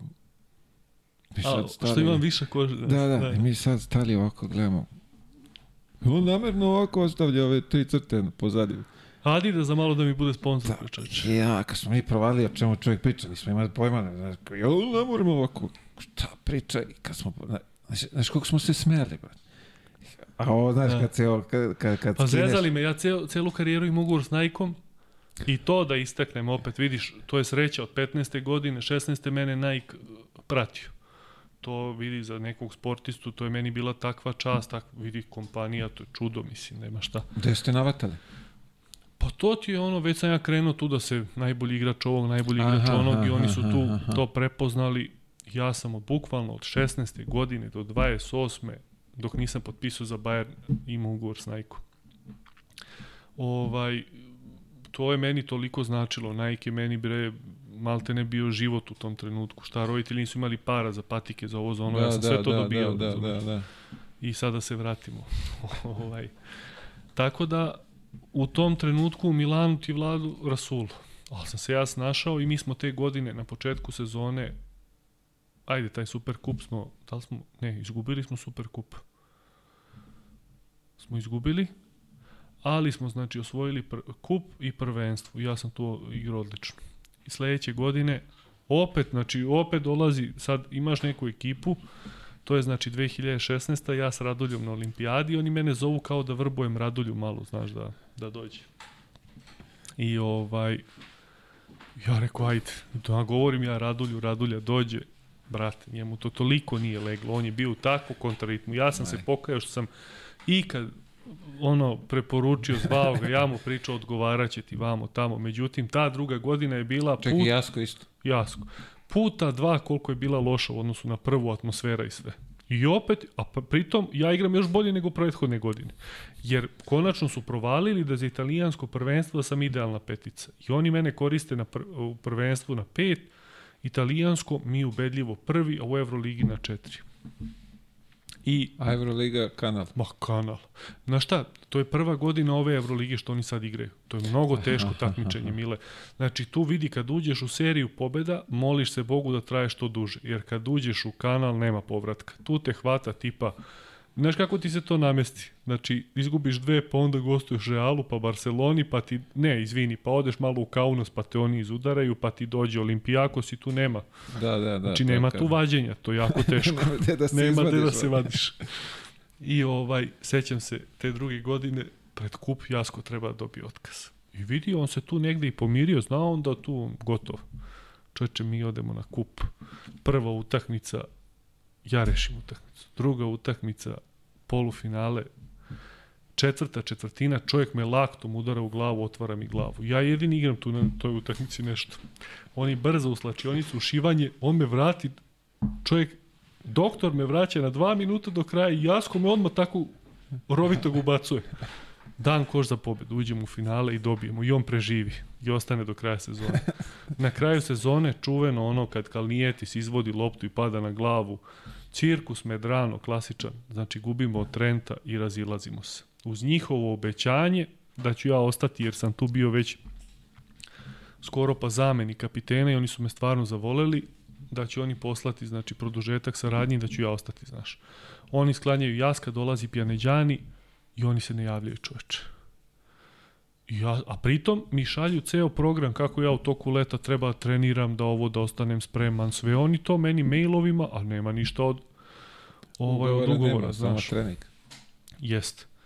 I pritom to obećanje, taj proli me izlači u četvrfinalu sa play-off, play-off utakmice, sa zagrevanja, da mi kaže da ne brinem da nastavim da igram ko što sam igrao do sad, da ne brinem da ostajem u klubu, znači predsednik kluba. Prva utakmica četvrfinala prvenstva, o play-off. Kakav pogrešan potez. To, to, eto, kakve neznalice rade u košarci. Aj se da priđeš čovjeku na zagrevanje. Izvučeš ga malo, popričate o produžetku ugovora. I nema to ni veze. Aj sad, i ovaj, čoveče, 1. jul, tipa 9 uveče, Sale me zove. A pritom, sa Saletom sam sarađivo na olimpijadi i I to da ispričam, znaš ti kako, mi, mi, ja Saleta nisam znao. Kad sam bio u Galati, pred svetsko prvenstvo 2014. on me zove na telefon. Ja se javljam, ej, čao, Sale, ovo ono, pričamo. Kaže, vidi, ja tebe ne mogu da zovem, ti si debeo, igraš loše. I kaže, ja ne mogu, kaže, ovaj, ako, kaže, sve to ispravi šta je on sad nabrojao, kaže, ja ću te zvati i ti igrati kod mene. Like. Ja gledam u telefon, ne verujem da čovjek koga nikad nisam upoznao, može toliko direktan da bude i otvoren. I stvarno je to meni bio negde zaokret u glavi. Si posumnjao da nije neko drugi? Ne, ne, znao sam. Prepoznao sam glas, pa to je, vidi. I ovaj, ja se vratim tu u Partizan kod Uleta, odigram ovo ono i onda u Milanu i on mene čoveče stvarno zove na kraju te sezone prve za olimpijadu. Međutim, igra se kvalifikacioni turnir u areni, ja unosim veš sa terase, udarim malim prstom u vrata i slomim mali prst. Znaš ono kad udariš mali prst, pa hoće oči da ti ispadne. E, ja sam toliko udario da sam ga slomio, razumeš? Ja dolazim na trening, on meni još, pošto je duža sezona bila, dao tipa dan duže odmora, dolazim u gipsu. Šta je? Pa ja rekao, slomio mali prst. Tragedija. Vidi, pro čovječe, propustim olimpijadu zbog malo prsta i veša, čovječe. Propast. I ovaj, i stvarno on mene tako rovitog ovaj, povede na, prođeo mi taj kvalifikacijni turnir on me povede na olimpijadu. I od tad kreće neki naš super odnos, maksimalno direktan, ali stvarno saradnja fenomenalna. I ovaj I on čoče 1. jula mene zove u 9 uveče i kaže meni Maxi Kleber ide u NBA, hoću da ti dođeš u Bayernu. A ja molim Boga da mi ovi pošalju ugovor da ne idem nigde, razumeš? I tu nešto mi pričamo, ono, pritom ne pričamo uopšte o uslovima. Znači, pričamo samo da dođem. Ja mu kažem, a doći ću i tu se nas dvojica dogovorimo dođemo u Bayern. Dva dana posle toga ja šetam ujutru psa, zove me Micov koji je potpisao za Pjaniđani i kaže da bi ovaj kao Simone da, da popričamo. I nikad ovaj nisam nisam pogazio reč, otišao sam u Bayern i opet se ne kajem zbog te odluke jer moj odnos sa Sašom i, i, i sve ne može da se meri uopšte sa sa Milanom, ali mi je to jedan od najtežih odlazaka u karijeri i to je prvi klub posle kojeg sam stvarno plakao kad sam odlazio. Mnogo mi je teško bilo jer sam se prilagodio na život. Pa sve ti leglo. Naučili smo i žena i ja italijanski, prva čerka nam se rodila tamo, sve mi je bilo potaman i to mi je bilo jako stresno. I to sve zbog dva dana? Da, da, ali Salet, mislim, to nikad to ne bi odbio, nikad, znači, ne dovodi se uopšte. Ne, ne, ali kaži ti, vidiš sad opet, da. ovaj ti, taj Baja ti obeća na da. četvrt finalu, brate, da. i onda te ne, zna nema to ga... Radulja, zna to Radulja, on me čovjek povukao, bre, čovječe sa, u stvari Radulju su tad isklonili. Ali sa četvrt finale, prv, u stvari ne, bio je tu Radulja. Njega su, pos, zamislio sad, posle četvrt finalne serije sečeš igrača. U play-offu. Pa vidi, taj zna posao, to dok tako, ovaj... I ovaj i to mi je bilo jako teško, jako stresno, jer sam smatrao da je Milano onako meni bio potaman i da sam ja bio stvarno dobar za Milano. Pa vidi, i leglo ti je i dres ti je leglo. Imao si ime i prezime na Jest, njemu. Milan Mačvan, da, da. Reci. to sam ih, ubio sam ih u pojam s tim, znaš. Ovaj, stalno smo se šalili na, na taj račun. Razvili oni neki transparenti, piše nešto Milan vamo tamo. Ja kažem, vidi čoveče koliko me vole bre. Oni nešto pišu, razumeš, navijači. Ali imao sam nekog tipa, čovjek jednu utakmicu dono veliki transparent, neki Terminator. Kad ja malo bolje, moj lik, čovječe Terminator sa nekim okom i piše gore Milanator. pa ja sam njemu, e, kupio sam odmah sezonsku ulaznicu, dolazi. Piše on meni tamo na Instagram, Facebook, pisao ovo, ja rekao, imam ja nagradu za tebe, dođi ti. Samo diži taj transparent. I visoko. I dan danas on se meni javi s vremena na vreme, neki navijač stvarno nešto ovaj, A vidi, uh, taj Milan je svima lepo prija. Pa to bi je, se oduševio. to je jedan strašan klub koji ima velik potencijal koji ne može da iskaže. Veruj. To ti je klub, A šta je to mana sad? Šta, de, de zapinje tu da, da, da ne može to tako da se da se digne to kako treba? Mislim evo, da di, se digne di, da... Mislim, digli su se, oni su s Mesinom odigrali jedan Final Four, a evo sad su zadnji. Znači, nekako je bre, karma bre loša oko kluba. Karma, nemam pojma, ne, ne mogu da ti objasnim to. Znači, taj čovjek Đorđe Armani svoje neke pare daje i zave što je nakon smrti 10 godina da Armani bude sponsor. Znači, oni sve imaju. Klub ima takav potencijal. Tako, znači, ne postoji nešto što ti ne možeš da sprovedeš u delu. Kad imaš ne- neiscrpan resurs novca i svega. Ali, bre, nešto... Nešto nešto ne ne ide. Ne znam šta je, stvarno ne znam. Meni je mnogo dobro. Pritom, taj klub bre ima tradiciju. Znači, to, to, to Olimpija Milano je klub koji ima ne znam koliko prvenstava Da, Italije, da. Evroliga, ovog, onog. Či nije to sad klub kao, e, novo formiran, pa se bore. Pa posložili su ga lepo, ako sam i to dobro razumeo, tu ima nekih i ono za oporavak doktora, pa doktor za doktora, pa nekih raznih ovaj funkcija tamo ima da je to... To u moje vreme nije bilo. To su verovatno još unapredili to je, e, dodatno. vidi, to je do- sa dolaskom Mesine, brat. Jeste. To je, To je verovatno još dodatno urađeno, ovaj, ali to je jedan klub savršen. Uh, ti nemaš gostovanje u Euroligi duže od dva sata. To je bukvalno centar Evrope. Hoćeš u Moskvu, hoćeš vamo. Ne znam, sad lupio sam dva sata, ali da, ali u centru si sve, jest. levo i desno. Savršeno, sve savršeno, ali eto, mislim, ne, nema rezultata. Pa, Ajde. Izostaje. možda poslože nešto ovaj, umeđu vremenu. Pa vidi, se ja sam promeni. negde mišljenja čak da je i Mesina bio loš izbor za trenera. Ja mislim da bi njima, na primjer, Ćavi Paskval legu savršeno. Ćavi je evo otišao u Zenit koji nema nit navijače, ni to ovo, ni to ono i napravi ozbiljnu priču. Tako neko, razumeš, tim... Pa, Mora pažljivo da se kao bira. Zato što je italijan, pa kao, Da. znaš, da to bude Moguće. Moguće. lokal patriota, znaš. Moguće.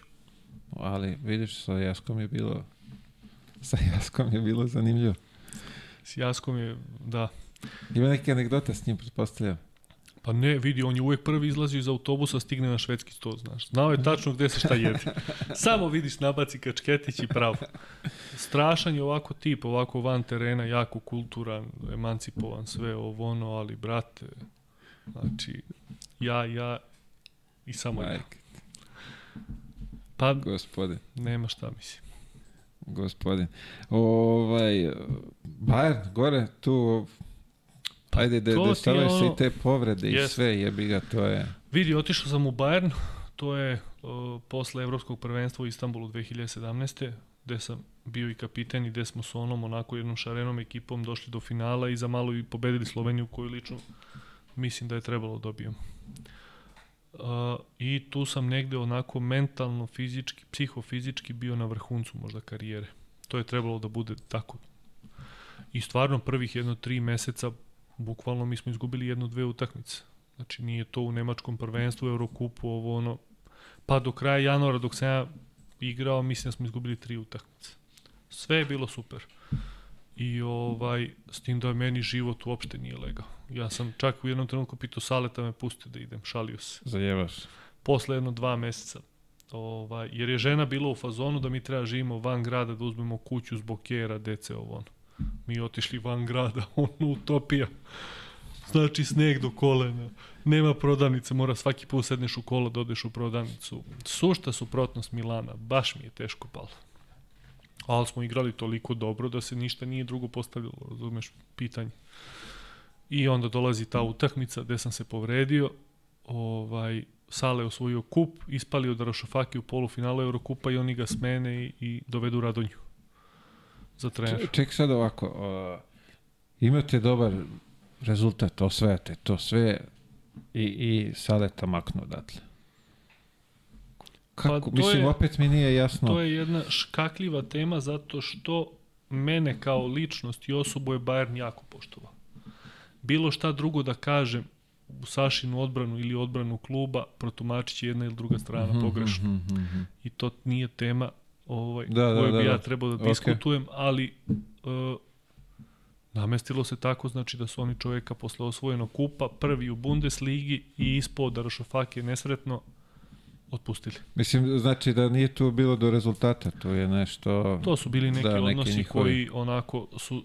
Znaš šta je problem kad se problem... Ovaj, šta je stvar? Kad se problemi dugo guraju po tepih i niko ih ne rešava, oni postanu u jednom trenutku slon u prostoriji i svi izbegavaju da ga pomeri ili da pričaju o njemu, znaš.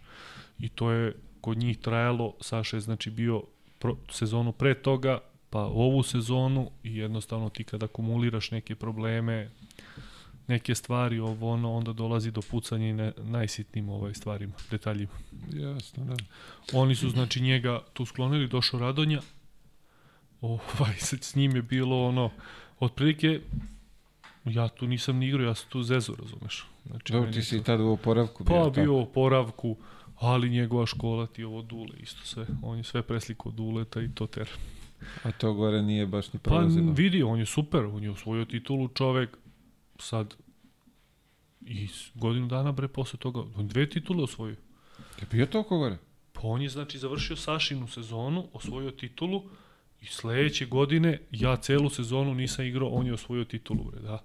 Pa više, I da prema meni je Radonjić bio maksimalno korektan, stvarno, nit me požurivo, ni to, ni to ono.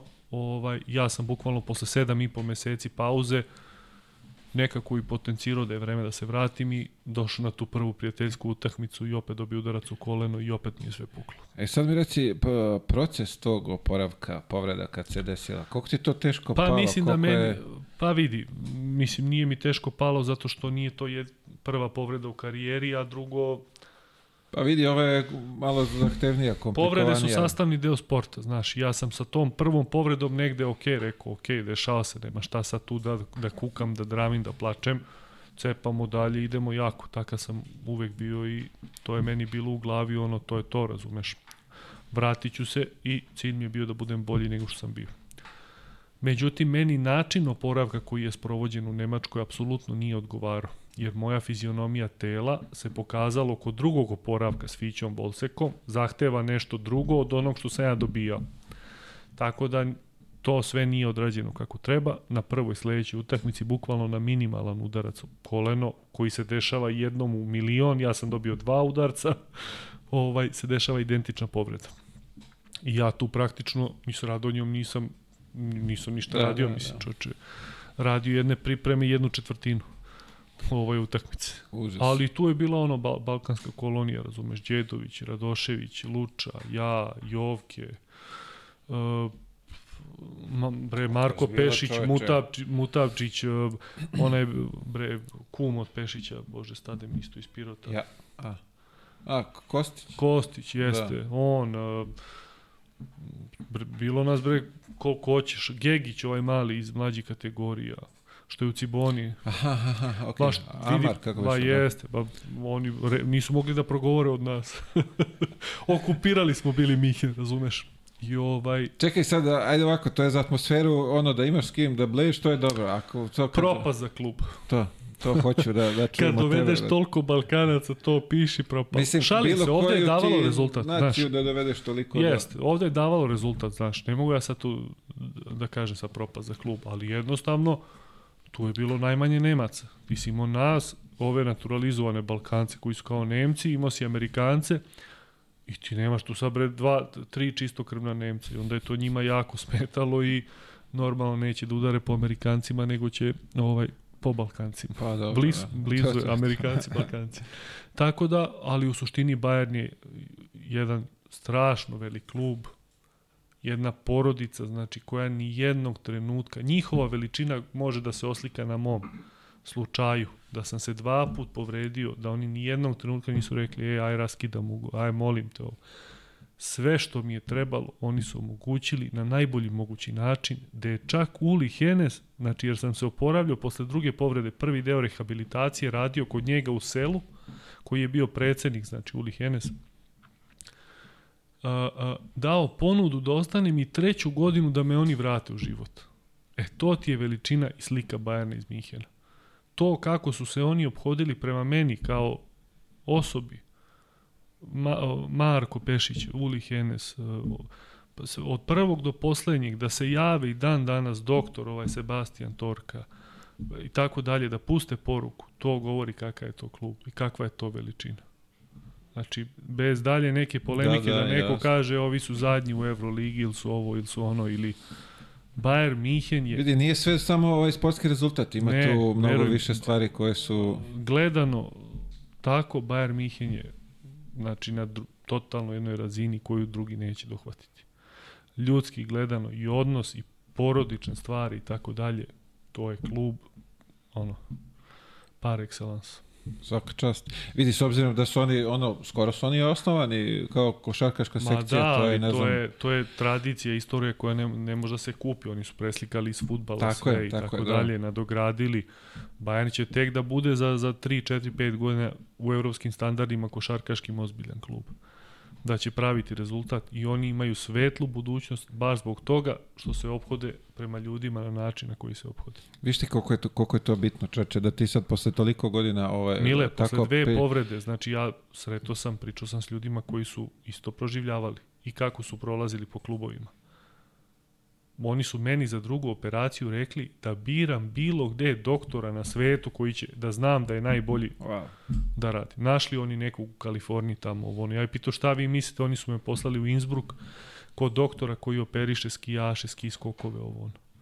Znači, naj, sve najbolje što mi je trebalo, pa čak i da ostanem, gde sam ja rekao da ja stvarno psihički ne mogu da ostanem posle dve povrede i da se vratim da opet igram za Bayern. E, to ti pokazuje kakav je to klub i koliki je to klub i, i odnos prema Mnogo, mnogo bitnije nego sve ove... Tu financijski deo, kad si ti u 30 godina u ovo, u ono, ako se ti ostvario, nije tebi tu, ali ove neke stvari, to, ne, to se ne kupuje, ne uči se da, u da, školi, da, da, ti da. moraš, to bre, mora bude kultura, tradicija, takva, takva istorija, sve to. Je, što bi rekao, zato švaba, Da, da. Kod njih je, ovaj, zna se neki red, zna se kako, kako to ovaj, funkcioniše i vidiš, to je savršenstvo. Pa savršeno. A, imamo i tu epizodicu Japana, to je isto jedna zanimljiva destina. Ja kad sam vidio da si otišao tamo, meni bilo onako poprilično... Šokantno. Čudno. pa, e, i ta odluka je doneta trezvene glave. Ja sam, znači, posle dva prednja okrštena, da mi je sve popucalo, imao negde i doktorovih reči, ne znam da li možda igraš, bio u glavi bre čoveče, e ajde ja probam sa nekog nižeg nivoa, pa da ja vidim da li ja to mogu, pa ću ja se vratiti, razumeš, nije to sad. Nisam teo sebe, imao sam ja ponudu kod Saleta da odem u Virtus.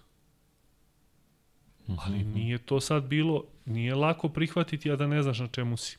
Znači, to je posle dve godine neigranja, godinu i da, devet da. meseci, gde imamo jednu zanimljivu situaciju. Kaže, meni Sale vodit će me na pripreme na Koponik pred svetsko prvenstvo 2019.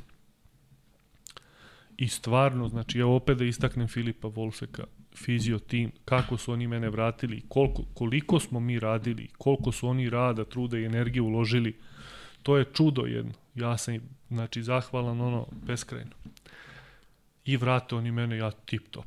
Pripreme 2019. Kopovniku, ja posle dva prednje ukrštene dođem najspremniji. Sale kaže, pa ti treba da ideš na prvenstvo. A ja se u tom trenutku dogovorim sa Albarkom, gde je trener Luka Pavićević, da je jedini uslov da ne idem na prvenstvo.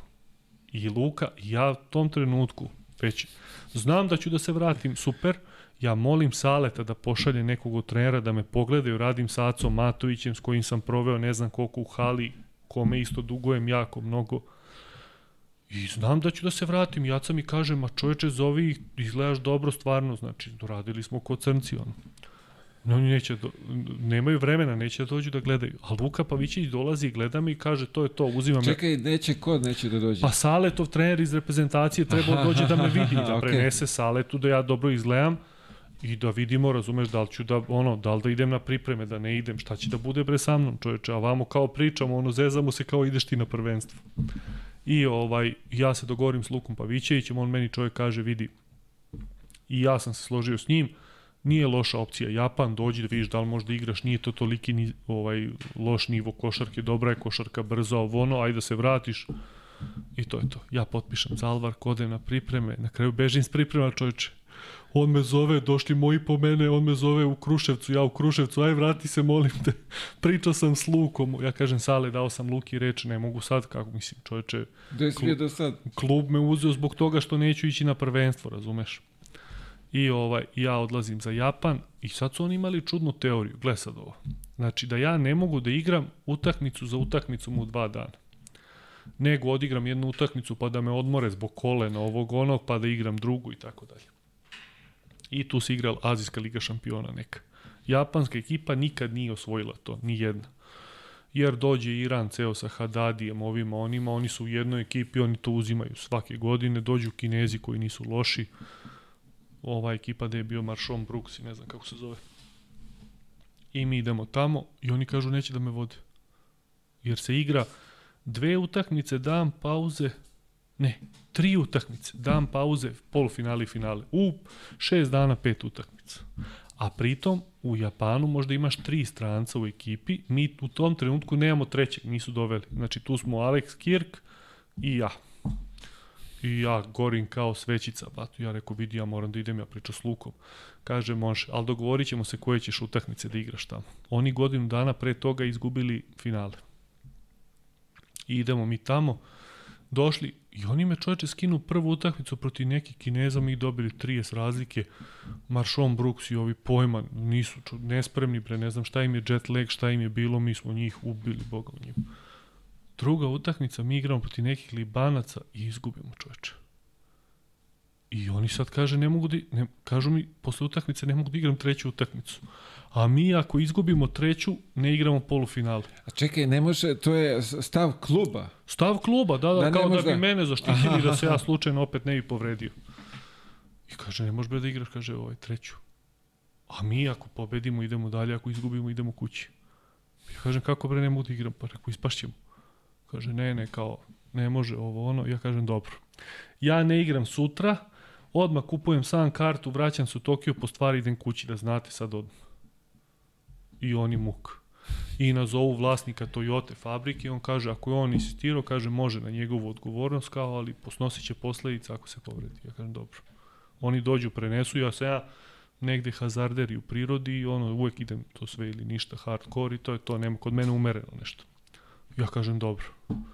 I stvarno mi dobijemo tu utakmicu. Sutradan dobijemo polufinale te Irance, iransku reprezentaciju i dobijemo u finalu ove Libance i oni osvoje tu ligu šampiona.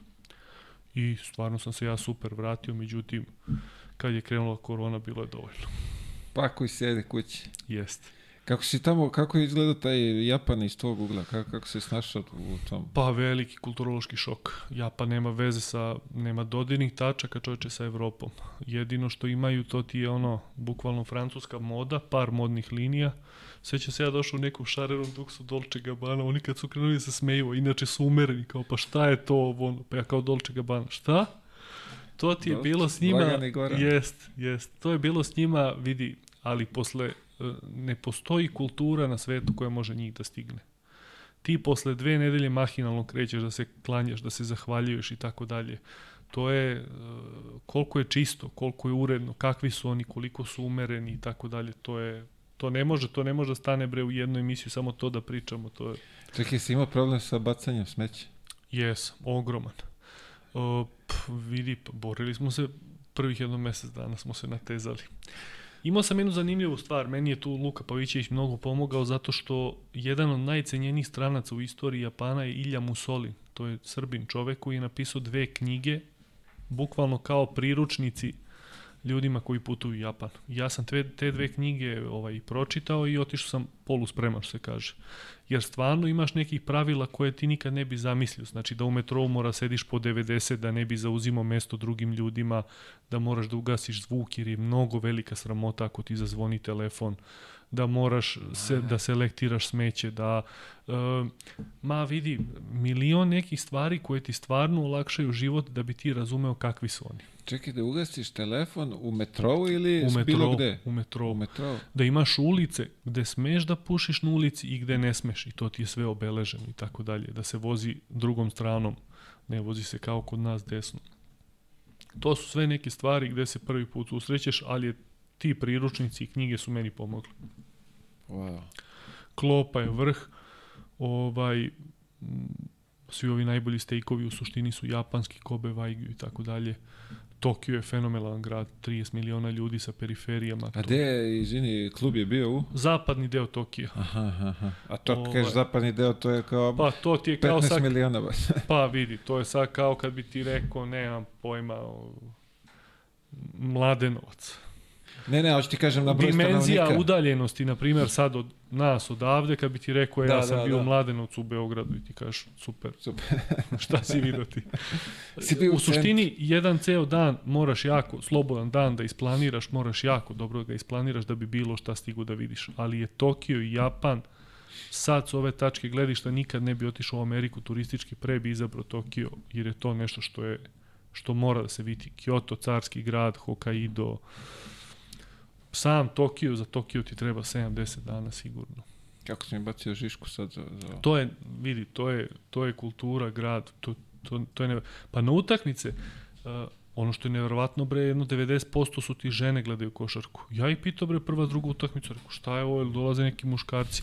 Kaže, muškarci su vezani, oni vole da gledaju futbal i bejsbol. Tamo je njima od Amerikanaca još ostalo da, bejsbol da, i oni to gledaju. A žene Rvanje. gledaju košarku.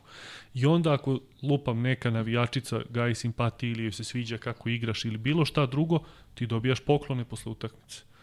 Meni se dešavalo, dobijem bre, posle tresem se kad idem kući od žene svoje, razumeš da kada sam dobio. Kako da objasnim ja? Jeste, kako, ali to su onako više znakovi pažnje, dobiješ neku knjigu, dobiješ nekog samuraja, ovo ono, ali one tebe, i sve su žene. Znači, gde god, ti nemaš bre, 20 muškaraca u hali. Znači, sranje ne može da se desi, nema. Nema, nema, nema muškaraca u propasti nema. I nivo košarke uopšte ovaj, nije loš. Pa To vidi, ljudi- pravo ono što malo pratim po, po ovim mrežama, lepo, mislim, ono, lepo Mnogo izgleda. je bolji nego u Kini. Bilo kojoj azijskoj drugoj zemlji. Organizovani, igrači su spremni i intenzitet kojim se igra je jako, jako visok. Brza košarka. Pa brzo, oni su, mislim, mali i svi stranci su u suštini na unutrašnjim pozicijama, tako da i to tvoje negde nadmetanje nije sad to- ono, ne igraš ti protiv loših igrača, to su igrači stari, da li sa NBA, evroligaškim iskustvom, ovim, onim, Da, da, da. ali da. dobri igrači. A, sad kad- spomenu, bre, rvanje, si išao da gledaš ove njihove? Nisam, to je velika žal, bio sam u toj hali, to je neverovatan jedan objekat, ne može naša arena da se poredi s tim. Jebote. Tu stane po 20-30 hiljada ljudi ovo. Ovaj sumorvanje, to je nacionalni da. broj, sport broj 1, to je onako za njih stvarno jedan prestiž. I ono što sam ja uvek mislio ko mali, kao Yokozuma, to ti je zvanje tog nekog najboljeg borca. To uopšte nije bilo u mojoj glavi, ja sam mislio ovaj se preziva tako, razumeš, ali nije. Pa Japan je stvarno nešto što mora da se vidi. To je onako, ne treba ti viza, možeš sad sutra da poletiš i da sletiš u centar Tokija. Pa to je naša braća, znaš kako je, sad smo iz, iz braća iz Kinezima imamo Vidi, kad je krenula liniju. korona, to je najstarija nacija na svetu, ja sam mislio oni će padati ko kegle. Takva disciplina, da nema, nema to vanredno stanje ovo ono, to je prvi nivo upozorenja, drugi, treći ovo ono, oni se pridržavaju kao pijan plota svega, znači takvo je jedna nacija, vidi, neverovatno. Zanimljivo svakako, bravo, vidiš, ko nije ovaj dočarao, ovaj, ko nije imao prilike, a malo, smo, malo, malo si približio ka, kako, kako to izgleda tamo i sve. Da. Imali smo, Beše Dugošija je pričao i Marina Maljković isto pričala malo o Japanu, Da, ona je je bila. bila tamo, da. Kaže da je to isto pod konac. Vidi, ja sve. sam, u- moj stan je, na primjer, bio 92 kvadrata, oni dolazili da se slikaju koliko je velik stan. Majke. Da, da, kaže, šta će ti toliki stan? A žena, dvoje dece i ja, razumeš, Mora da A imamo... gde u čemu žive oni, majko? Kako to? Gde se I na- cena, na... na primer, rente ti se gledala koliki je stan, normalno, kako je opremljeno ovo ono, jedan od bitnih faktora kakav je pogled. I ja, meni je bila visoka renta jer sam imao trešnju ispred terase. A cvetanje trešnje ti je simbol blagostanja. I onda imaš tamo one, što sam ih ja zvao ludaci, čekaju ceo dan da uhvate kad se cvet trešnje otvori da slikaju. Pa ne može to da se objasni. To je iz Da, ove tačke treba da gledišta da odeš doživeti. tamo da se smeješ. Ali ti da vidiš ti bre čoveče kako oni bre, to je drugi svet bre, druga kultura. A čekaj, ako si ti bio u 90 kvadrata, u kojim stanovima oni žive? Ja sam bio prvo, dok sam bio sam u nekoj Toyotinoj zgradi, ja mi za taj stan sad kad bi razmišljao nema 40 kvadrata i oni su planirali da mi svi budemo u tom stanu. Te sam ja rekao, ljudi, ja ću sam da platim, nemojte ništa vi, samo mi nađite stan gde mi možda se smestimo i da ne budemo u Toyotinoj zgradi. I oni su stvarno našli taj stan, oni su bili frapirani koliki je to stan. Kako lep raspored ovo. Da može i da bude ovaj, Da. van njihovih st- st- standarda. Jeste, jeste. Tu je bila, znači imaš jedna spavaća, druga i imaš tatami neku sobu. Tatami soba je njima za čaj, za ovo, za ono. Međutim, ja sam i od te tatami sobe napravio spavaću sobu. Oni kad su ušli, to im je bilo ono, pa kao, de ono, kao, pa rekao, ne brini ništa, mi tu spavamo. Rekao, ništa ti ne brini. Tako da, totalno drugačiji pogled na svet imaju, razumeš, e, maksimalna iskorišćenost prostora, iako Japan na globusu, kad ti pogledaš, deluje malo, on je ogromna zemlja. Pa vidi, 1200 km ti, na primjer, od Hokaida do druge strane, tamo Hirošima, tako nešto, 1000 km. ispravi me, sto nešto miliona ih ima, bre. Da, da, da, da. Pa, Ali znaš, nemaš kažem to da stane-. Ne, hoću ti kažem, ne može to da stane sad na, na neko malo parče, 100 miliona ljudi. bro. To je... Ma čudo, Tokio. Pa imaš onu raskrsnicu što je u onim filmovima Need for Speed. Pošto ti u Japanu na raskrsnici možda pređeš i dijagonalno. I onda ona raskrsnica gde se snimao film kad oni driftuju kao po raskrsnici, na toj raskrsnici u, u, u, u, semaforu jednom pređe 10.000 ljudi. Zato što oni dođu turistički tu pa se slikaju, pa se snime i tu policiju uvek imaš na raskrsnici koja sprovodi, ubrzava i tako dalje. Da ne za, zaustavlja Da, se. da. A vidi, nikad me popreko nisu pogledali što sam visoko ovo ono. Nema ono sada te gleda kao iskolači oči ko u Kini pa ti neprijatno, pa čak i ovde ovo. Njih je toliko sramota da ostvare kontakt bilo kakav da je to čudo. Pa oni u toj knjizi, baš što sam čitao, kad se desi, na primer, pošto ti je, za mene su spremali, samo da se ne desi saobraćajna, saobraćajka kolima, jer je Toyota veliki udarac za firmu. Znači, samo to da se, sve možda uradiš, samo da se ne slupaš kolima. I Ja u knjizi toj kad sam čitao, stvarno imaš agencije koje se izvinjavaju umesto tebe, jer su oni po prirodi sramežljivi i ti možda unajmiš agenciju koja ide izvinjava se sad tebi, Miletu Iliću, plače ovo ono, ja ih platim i oni odu i iskukaju se umesto mene ovo ono i tere dalje. O, majko, bilo. Toliko su čudni specifični. A, ljudi moji. Vidiš, a stvarno, treba to doživjeti. Treba Mora to, treba vidi, ja sam rekao sad kad znam kakav je Japan u Ameriku nikad ne bi otputovao. Kad smo kod Amerike, ti si jedan ovaj draftovano lice, što bi se reklo. Jeste. Jesi išao tamo na ove draftove? Jesi bio na workoutima? Ništa. ovaj, ja sam imao šansu da budem draftovan u prvoj rundi one godine kad je bila univerzijada u Beogradu, 2009. znaš. I to je negde bilo posle Nike Hoop Summita gde smo mi dobili neku selekciju Amerike gde je Da, bio Damarcus nešto, Kazan, John ispeglali Wall, ste ih. ono i tu sam ja igrao odlično. I tu su tri ekipe iskazale ovaj interesovanje za prvu rundu da odradim u Trevizu te neke treninge, međutim tadašnji selektor Kesar i Duda su imali drugačiju viziju da ja ne treba da idem tamo kako bi bio priključen na reprezentaciji. I naravno ja nisam otišao tamo da bi bio te godine u A reprezentaciji da bi igrao u Poljskoj prvenstvu.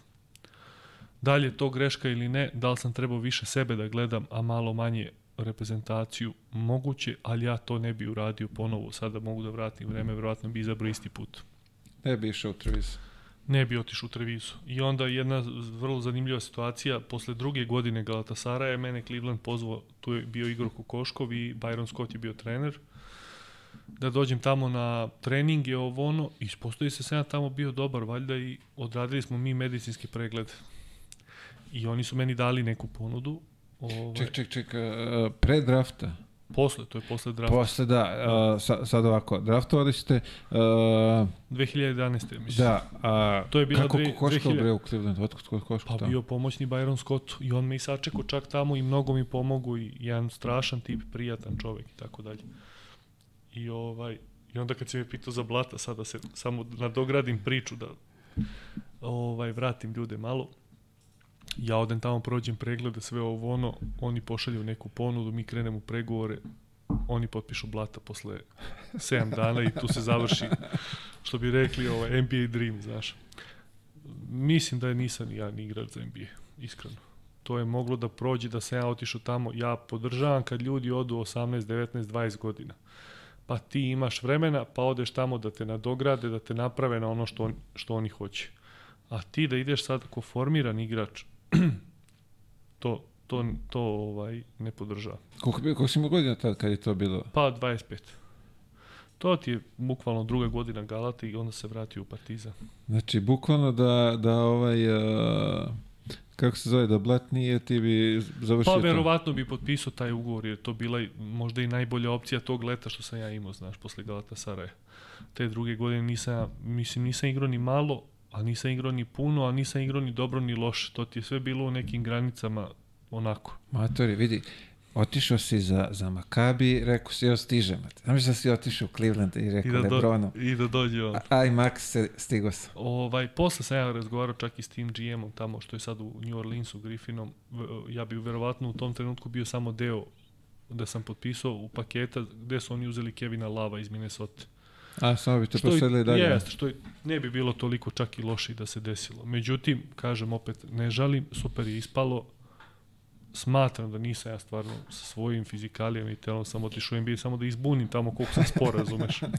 Čak smo se šalili ovaj, na olimpijadi, ovaj Kyrie Irving uradi dve promene, ja i dalje u mestu. On ne razume da mora na prvu da me obiđe, razumeš. ovaj, tako da eto, to ti je, mislim, ukratko, šta nije, nije ukratko, peglao mirno 2-3 sata. Pa nije, vidi, ima, tu smo. Tek smo prebacili drugi sat, tako Vanja? Pa da, tek Tako ima, da- imamo još da pričamo. Ne, ne, koliko tako da nije to ni ukratko to što smo mi prošli, rekao. Da, ali ovaj, zanimljivo je bilo, jer onda se pojavili oni gifovi šta već ti Lebroni, zajebancije. Jeste, pa Da. da. šta je bilo? Pa smrt bila bre za olimpijadu, ono, spavaš li mir, mirno, Ke- Kevin Durant i moja slika. Ja čoveče, bre, to je bilo slikanje za olimpijski komitet, ono kao putujemo, pa se slikamo. Ništa se ja razmišljao, posle ljudi napravili šalu. Pa dobro je to sve, to ti, bre. Ko ne zna primi šalu, taj ne zna i da se šali. To moraš da daš, da znaš da primiš i da daš. Jeste, i da daš. E, ali to, to će ostati žigara, će ostati upamćet po, po, po tome. ovaj, ajmo sad vamo da kroz repku da prođemo. Vi ste ono, osvajali se tih u mlađim selekcijama, bar ti Pa lično sve, osvojio si u, u sve tri kategorije, četiri, Sve. koliko zlata. Ma vidi, samo nisam, znači, kadetsku. Ovaj, znači, osvojio, osvoj, osvajali smo Evropsko, o, svetsko prvenstvo u, To je devet- samo u tome, u tako? 19. Juniorsko. Te godine me onda sa svetskog pošalju u moju generaciju da odem u Madrid na juniorsko evropsko. Osvojimo i to. Posle toga mlada reprezentacija zlato, pa univerzitetska reprezentacija zlato, pa seniorska evropsko srebro, To, čekaj, me, nije isto sve godine, vajda. Pa nije, ne, pričam ti hronološki, Aha, znači aha, prvo okej. bilo je znači to svetsko, pa isto to leto su me poslali u moje godište, pa sam i pa smo i tu osvojili zlato na juniorskom, pa Filip je igrao, znači Filip eh, Stojačić, Katnić, o, slagaću te sad više, bre, to bi- pre 15 godina, znači Stojadinović, Smiljanić, ne znam koji bi, Maravić, eh, tako je to, to, ta neka ekipa. Ovaj, Onda smo sledeće godine osvojili sa klipom U20 mlada reprezentacija. Tu je bilo 88. 9. Tu je bio Radulja, ovaj Jeremić, Kešelj, Koprivica, ja, To je ta ekipa za univerzijadu. pa tako? onda Maltene, eto, Kesar samo precrtu za univerzijadu, Dodo Simonovića, ovog uh, Vukšu Aleksića i Protića, ali onda, eto, znači, posle toga univerzijada i onda je bilo ovo seniorska reprezentacija. Ovamo sa... sa... A univerzijada i seniorska su opet bile iste godine. Znači mi smo osvojili zlato, pa nas je Duda priključio i otišli tamo osvojili srebro u Poljskoj. Kako izgledalo taj ulazak tvoj u seniorsku reprezentaciju? Pa, u strahu. Ja sam Od imao koga, veliko, bre? pa od Dude. Najviše imao sam veliko strahu, poštovanje neko, znaš. I on je imao taj stav da ti nisi mogao da ga se ne bojiš. To je bilo, vidi, i jednostavno ti kad si najmlađi igrač u reprezentaciji nekako i dizanje tenzije ide preko tebe. a, a mora neko da bude, brate. kako? Jest, jest. Tako da je on prošao onako negde u strahu, ali opet sam ja bre čoveče imao ulogu tu s 19 godina. Ja sam bio backup novici u Poljskoj. On je mene puštao da igram. To je negde moj subjektivni osjećaj. Strah. A on je verovatno imao ogromno poverenje u mene i ja sam mu beskrajno zahvalan što je to tako bilo. Znači, to je... Pa čak i one godine kad sam odbio da igram 2012 sada vratim vreme, nikad ga ne bi odbio. Nisam odbio njega, nego sam mu rekao da je kod mene došlo do zasićenja i da ja moram da uzmem jedno leto slobodno. To je ono kad je bilo, mi smo ga zvali, ali ne znamo što nije došao. Jeste. Ovaj, došao bi. Sada vratim vreme, promenio bi tu odluku. Došao bi da igram. Iako mentalno nisam bio za igru. Ja sam mu i rekao, meni treba jedno leto ja moram da odmorim glavu od košarke. Znači ja nisam stajao, bukvalno svake godine, jedna repstacija, druga, treća, peta, šetali me ko za pokazivanje. Razumeš, nije to ali eto, desilo se. Znači bio sam s njim 2009. u Poljskoj, pa 2010. u Turskoj, ono kad su nam Turci, kad su nas pokrali, pa smo izgubili za treće mesto od Litvanije. Uh, 2011. bila jedna jako čudna i specifična godina za nas i takmičenje u Litvani, znaš. Ovaj, zato što bukvalno su se nama snovi raspršili u, u, u dva dana. Na treningu se ukoči Tepić, ne može da igra, ukoči se Rašić pre četiri finale sa Rusijom. Da, da, da. da. I mi izgubimo četiri finale. Posle toga toliko psihički padnemo da nismo is- izborili ni peto mesto da idemo na olimpijadu. Jer smo tad bili nesvesni i dalje mladi da je peto mesto nešto mnogo bitno na tom takmičenju, znaš. Vidi, kad izgubiš te, ovaj, e, A to je Rusija sa Blatom, tu je bio Kirilenko, imali neku zanimljivu odbranu jako za Teja, razvalili ga tu utakmicu. On je bio neki lider, razumeš, kad, i jednostavno to kad smo izgubili, sad posle da ti priča neko ti igra za peto mesto, bre, ko je peto, htio sam, došao sam po zlato. došao sam, tu ću sad da se ubijem. Tako da je to ta godina bila baš i 2012. ovaj, ja nisam, ne, u stvari 2012. sam igrao kvalifikacije. Bila E, tu je negde, negde si, negde E, se nisi pojavio, sad ne 2013. znam koje za Sloveniju, godine. za Sloveniju, 2013. Tu se nisam pojavio. 2012. sam igrao kvalifikacije i, i to je bilo okej. To je prva godina tih nekih kvalifikacija Fibinih, izmišljenih. I 2013. smo imali jedan razgovor, ja mislim da je to bio možda februar, mart. Jako rano je on došao u Istanbul da se vidi sa mnom, ko je bio tu još Timac, dalje je bio Tripković, slagaću te, ne znam. Ne, Savanović, Timac i ja. A onda je posle išao na azijsku stranu da se vidi s Tripkovićem koji je bio u Feneru. I ovaj i tu sam ja rekao da neću igrati i ovaj Ali te nije shvatio ozbiljno. da, i ostao sam pri toj odluci, sada mogu da je promenim, promenio bi. Mislim da sam pogrešio iz prostog razloga što je on jako mnogo uradio za mene. I dalje trebalo drugačije ili šta ti ja znam, verovatno je trebalo, ali mlad, lud, pogrešiš i onda se opečeš i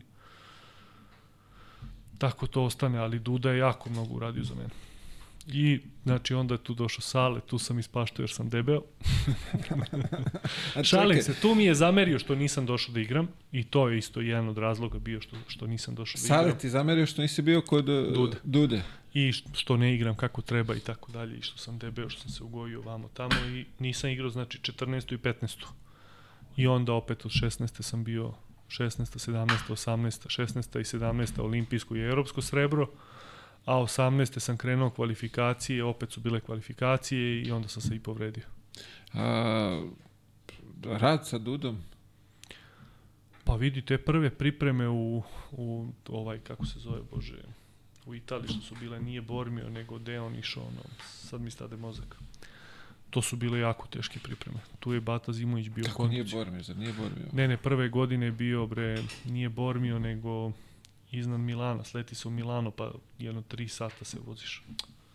Sad kad završim emisiju, sigurno ću se, Da, da, sad kad uvek, treba uvek, kažem u pa mikrofon, to, uvek nema posle, šanse. Uvek posle ovaj padne na, na, na pamet. Ovaj, uh, te prve pripreme, tu je Bata bio kondicion i to je baš bilo Kidanje. kidanje. Mislim, razumljivo, mi smo bre, pa kako ti da odeš sa decom na prvenstvo, nisam bio ja samo, tu je bio i, ja sam bio jedini najmlađi, ali ti si imao od 88. godište Kešelja, Markovića, Raduljicu, pa si imao 80, znači to su bre sve u tom trenutku deca 19, 20, 20, Teo bio kao ekstra iskusan 21 godina.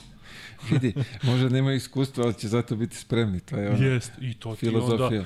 spremanje, mi smo bukvalno otišli na prvenstvo, ovaj, baš ono našpanovani maksimalno i to, dobro je to bilo. Vidi, ja se sećam gore, negde smo u Nemačkoj bili. A, to je ovaj Rotenburg, Rotenburg, Rotenburg. Pojma, nemam. Ali te upale, brate, šta je to bilo? To, vi, vidi, ne, ne možeš da siđeš do hale. Meni, brate. meni su čak te pripreme bile mnogo slabije od, od ovog što smo mi prve godine u Italiji imali. Ja to u Italiji ne mogu da ti objasnim. To su treninzi bili po 3 sata. Svaki trening 3 sata timskog treninga, a to još što si ti mlađi, pa te bata uhvati u teretanu, pa aj malo šuteš, pa ovo, pa ono. Brate, kao u rudniku, ko Alija Sirotanović, dajte mi samo novu lopatu i svetlo i idem, razumeš. Ali nema, tu telo ne poznaje i ti ne poznaješ za granice. Kad ti nešto toliko znači, nema tu sad, nema šta da se žališ, razumeš. Tako da, to je bilo, pff, te prve pripreme, to pamtim s Dudom, baš. Posle sve bilo, ne mogu da kažem lakše i lakše, nije bilo lakše i lakše, ali se lakše prihvatalo i znao si šta da očekuješ i možda je čak i za nijansu bilo lakše. Uh, kad uporediš sad uh, njega i Saleta, to sa, sa repkom, mislim, Pa drugačije. kraći je, Salet, radio si vamo kroz klub sa Saletom, ali ovde kraći je period i to mora nekako sve da Dru, se tu drugačiji uklopi. su, znači du, kad pričamo o Dudi, pričamo o jednoj neverovatnoj veličini koja je imala jedan uh, jak stav, autoritet, karakter i tako dalje, a kad pričamo o Saletu, pričamo o čoveku koji je mnogo uradio ko, kao igrač i koji je strašan motivator i koji je idealan negde u tom selektorskom poslu. I onda su totalno dve drugačije ličnosti. Mogu da se poklope negde po toj nekoj, eto, ne znam, ni ja, slavi, veličini i tako dalje, ali sa Saletom ne postoji mislim, ja mislim da ne postoji igrač koji ne bi igrao kod njega. To je onako, sve na nekoj polu drugarskoj osnovi, velika motivacija ovo ono, ali mora da postuješ normalno pravila, uslove rada i tako dalje. A kod Ude nisi imao nekog izbora ti. kod Ude je bilo baš ono, ovaj, baš napeto. Hardcore. Kako se zove, ali ovaj, pa kažeš, Sale, Folgarija se zvalo mesto. Nije, nije Bormio, nego Folgarija. Sa pripremama sa Dudom. Da, A ne to znam. ti je neko selo bre gore. Pa to obično. Na vrh to- brda, to- Tako razumeš. te zabace u neka Jeste. sela da ne znaš gde si. Ovaj, kažeš Sale je dobar motivator, a pored je imao, pored sebe imao i mutu. Znači, Ima i to mut, je... jest. S mutom je uvek bilo, svaki dan si imao neko takmičenje. Da li njega i Bogdana izazovete tako ovo, ono, šutiraš nešto u pića. Ovo. Jako je neka dobra atmosfera, da kažemo, ovaj, iz te atmosfere i proizilazili su dobri rezultati. Ono što je meni nejasno, da smo se mi opet u tom trenutku odlučili da menjamo selektora. Menjamo, znači, čoveka koji je osvojio svetsko srebro, bio četvrti na evropskom, pa olimpijsko srebro, pa evropsko srebro i bio, i bio peti na svetu. Znači, mi se mnogo olako rešavamo to, pa to što ljudi. smo pričali, trošimo ljude. Mi mnogo olako to shvatamo. Znači, mnogo, kao da smo mi neka, ne znam, nija populacija kojih ima jedno 150 miliona i sad će tu da se razumeš. Mi mnogo to olako shvatamo, mnogo se lako rešavamo. Evo i sad i posle Saleta koliko smo... Pa dovedemo Kokoškova. Ajde, okej. Ga Zam- za- za- Zamenili za- smo Salet. Za šest meseci ga potrošili. Mi smo čovjeka bre koji je u NBA, koji isto ima reputaciju vrhunsku, u NBA je bio pomoćni, pa glavni trener, pa prvak za Sloveniju. Mi smo bre čovječe njega izbrisali gumicom u šest meseci. Vidi, ja mislim sad da, da nema više ni, ni želje kad bi ga neko Pa pozvao. nema, rekao pa bi, niko od ajde. njih neće imati želju, zato što ostane gorak ukus ustima i, i, i, i bre, kako da kažem, mnogo se bre onda narušava taj neki kult reprezentacije što mi pričamo, kult, kako da ga ne narušiš? Jasno. Vidi, opet, vraćamo se na to, trošimo ljude, nije, a, a nema nas. A, zanima me doživljaj tvoje olimpijade. U, pa bilo je vrh. Prvo, pre, rekao sam ti kako sam ja otišao sa slobljenim malim prstom, razumeš. I ovaj, otišli smo neki turnir u Argentinu, u Kordobu, gde je opet, da li je bilo nas više, ja sam mislio da ću da ispadnem, znaš.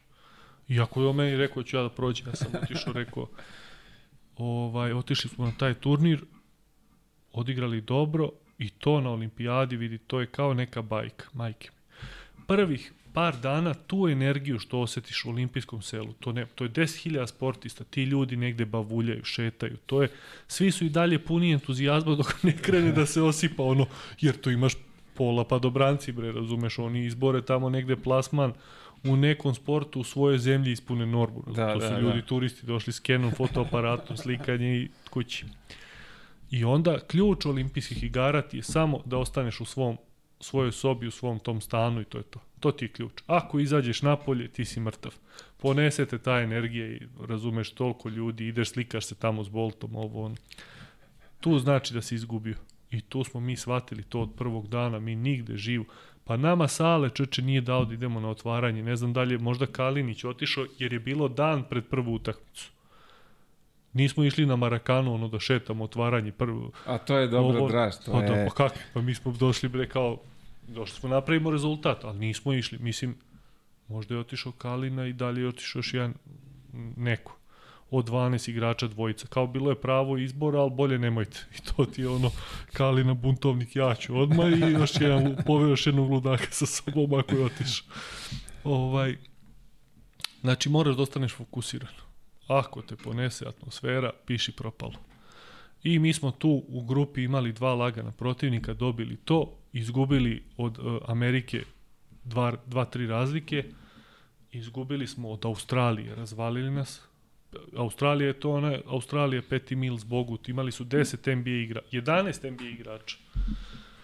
I ovaj, sećam se zadnje kolo, čoveče, igramo protiv Francuske, ko pobedi, ide na Španiju.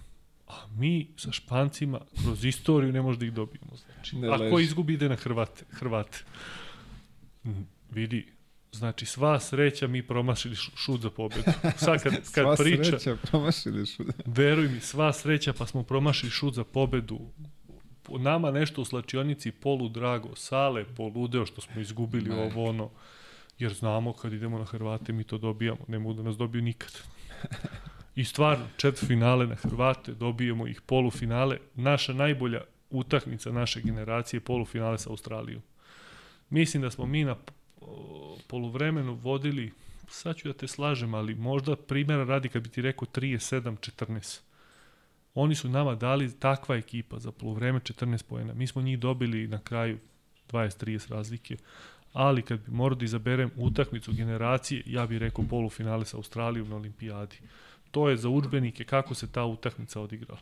I onda normalno u finalu smo znali da ne možemo ništa i mentalno nespremni smo došli, jer uvek daš neku ogromnu prednost Americi. A, sad glupo zvuči je, problem je što nismo dali šansu uopšte da se takmičimo.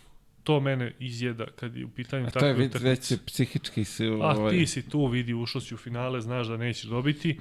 Samo je problem da li ti psihički možda izdržiš da se spremiš toliko da se takmičiš ili ćeš da odeš kod trubadur i da te na, nakantaju 30 razlike. Pazi, sad kažeš, uh, idemo na Hrvate, znamo da ne možemo izgubiti.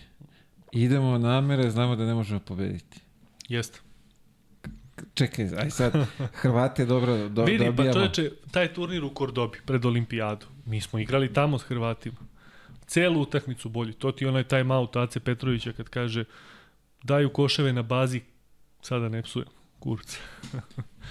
to ti je, oni bolji i ne mogu da nas dobiju. I na kraju mi dobijamo utakmicu, Jovke nešto iz auta daje trojku s pola, pada mu lopta, trči nešto, uzima i daje trojku i dobijamo ih.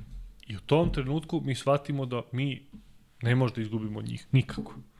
Znači, kako god obrni, okreni, to je dobra reprezentacija, tu je Šarić u, u dobrim Ne, godinama. Hezonja, Kruno Simon, uh, Bilan je igrao strašno prvenstvo, igrao i Darko Planinić na petici, onaj jaki.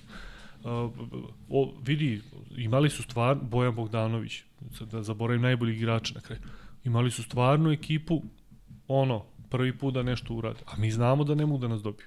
Nemoguće. I stvarno mi na olimpijadi, bara, bara, bara, i dobijemo ih. I kraj. Vidiš, to, to je isto taj jedan uh, psihološki moment. Znači, Pa- ti ideš na utakmicu i znaš, e, vidi, ovi nema Pa vidi, ja šanse mislim da nas i oni dobiju. znaju, mislim da i oni znaju da ne mogu da nas dobiju, znaš. Pa vidi, realno Ko vi sa pričajući. Amerima, ko ovde sa Pa Amerima, jeste, tako i znaju, sa oni nama. nemaš tu šansu, to ti je neka karma koja te prati i tera i dalje, vrat. Možda su ispakovali pre utakmice, ko zna. A da li je, vidi sad, opet, Šalim se, ali to ti ono sad pričamo mi kult reprezentaciji. Mi to imamo u košarci, imamo to u vaterpolu. Mi to u futbolu nikad ne možda imamo. Evo ti hrvatska reprezentacija igra polufinale kad sutra prekstra i svaka im čast na tome. Mi to ne možemo ni da kupimo. Znači, džabe, kad ti to nemaš, ti to nemaš u, u genima, u istoriji svoje, u ne znam čemu, ti nemaš kult te futbalske reprezentacije. Ili oni što imaju u rukometu, još veće uspehe nižu u rukometu, Da, da, da. razumeš. Tako da, jednostavno imaš neke stvari gde si bolji, imaš neke gde si loši. Najveći kvalitet čoveka je da radi stvari u kojima je dobar.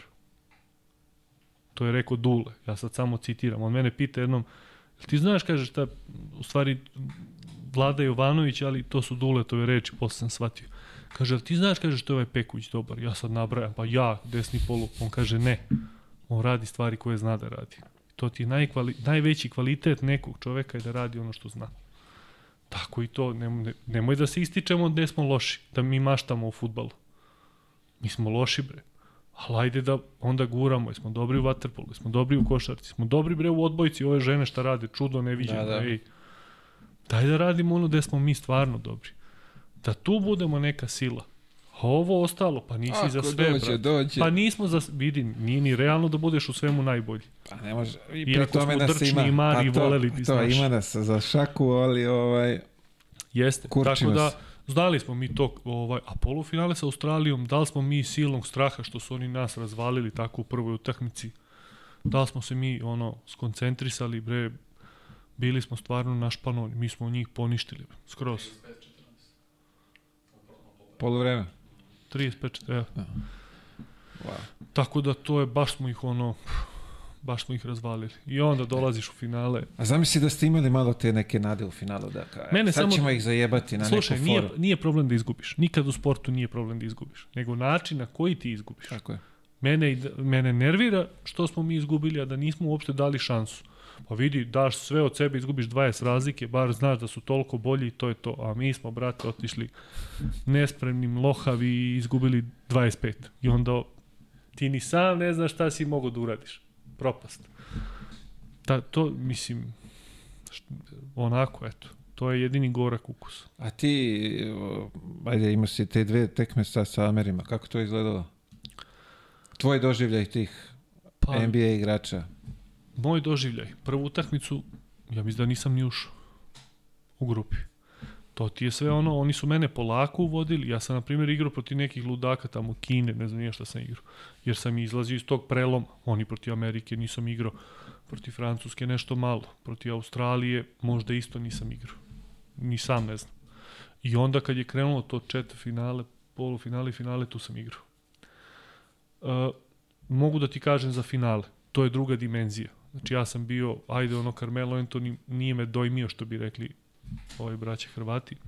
Nije me dojmio onako, naš, nije mi sad to nešto bilo, ali na primjer kad su u pitanju Kevin Durant, Kyrie Irving, uh, čak sam rekao da bi onaj DeAndre Jordan pravio mnogo veću razliku pravi po Fibinim pravilima nego u NBA. Zato što on kad se parkira s 2.15 i pipa glavom obručan izlazi iz reketa, ti nemaš ništa.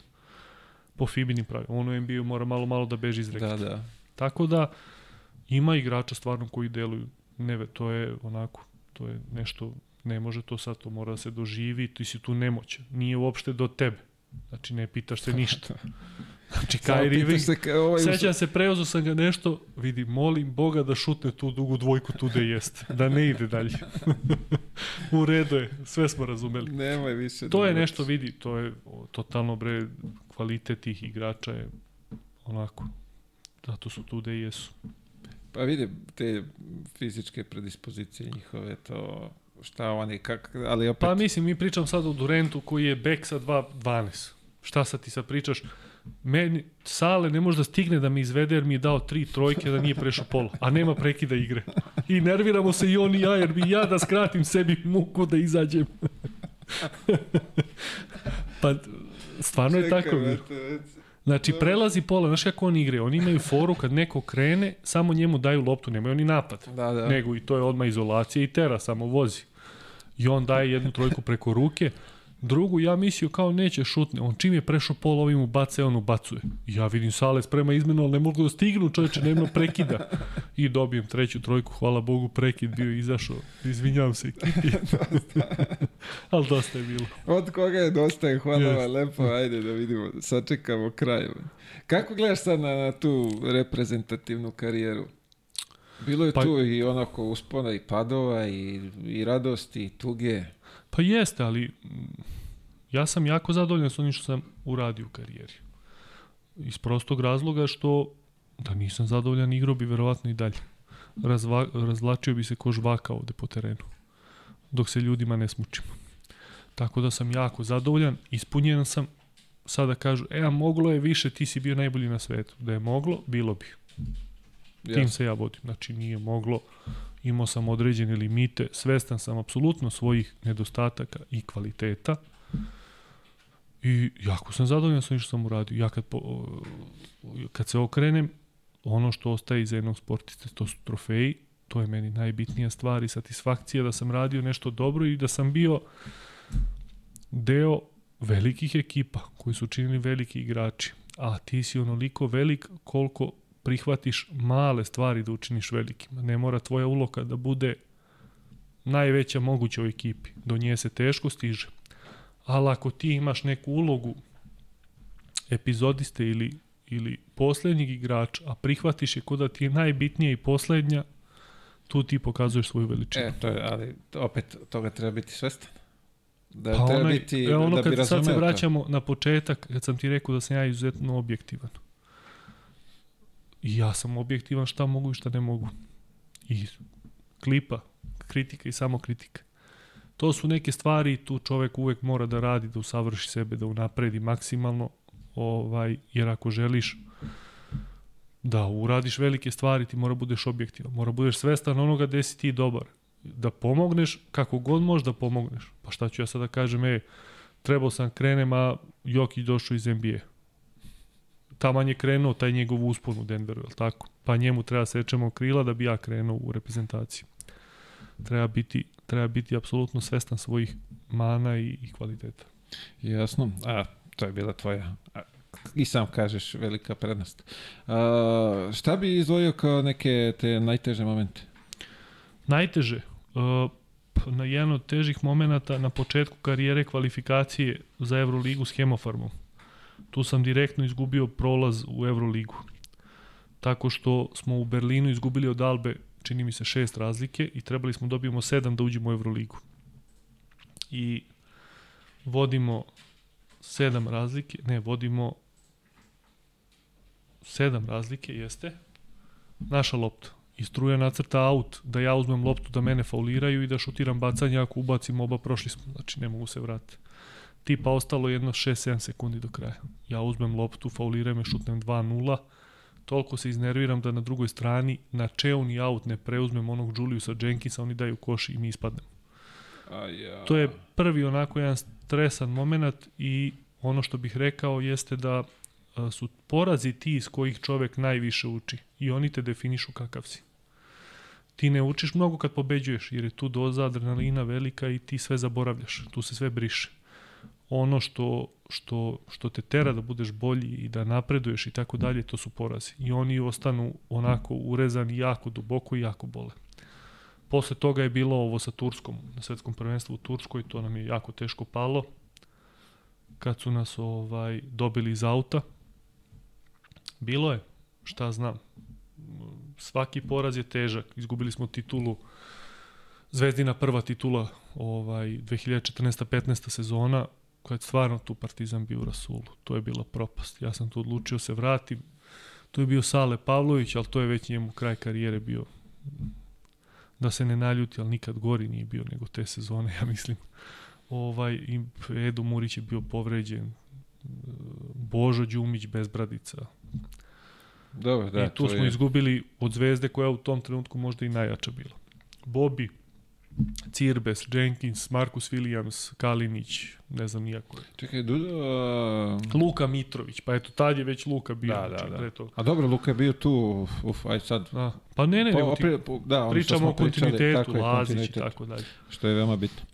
Uh, To su neke stvari, znaš, ono, izgubili smo titulu, iako je bilo nerealno da mi dobijemo zvezdu. Ali opet ti sad gubiš prvi put posle 15 godina gubiš titulu, lupam, ne znam koliko parti, Da, da, da. Partizan bio prvak.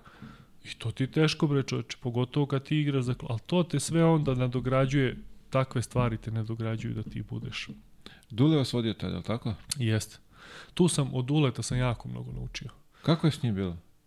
Pa meni je bilo dobro. Ja sam već došao, rekao bi, ko poluformiran igrač, ali mnoge neke životne lekcije kojih se sad sećam, a koje su mi rečene, A tada ih nisi razumeo? nisam ih razumeo, ali sad shvatam da sam jako mnogo naučio. Znači, rekao bi da da je on sad s ove tačke gledišta možda i trener koji je u samo 8, 7, 8 meseci, jer ja nisam krenuo sezonu s njim, u tom nekom aspektu mog sazrevanja daljeg imao najveći impakt.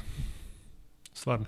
Znači, to su neke stvari, vidi, nisu to sad, to su fraze koje ti uvek možda primeniš. Znači, nije to sad neka, ne znam, ni ja, ali to onako, on to kaže tako upečatljivo i okrene se i ode i ti shvatiš, ja sam sad shvatio, 33 godine, a s 25 mi je rekao. Znaš, to su onako, stvarno, ja sam imao jako dobar odnos s njim i mi smo tu izgubili od zvezde i to je bilo baš teško. Mislim, zasluženo. Sad opet e, mi pričamo od, od te godine, od ne znam, 12 derbija smo dobili 3 ili 4. Znači nisi ti sad bio blizu. Ti izgubio zasluženo.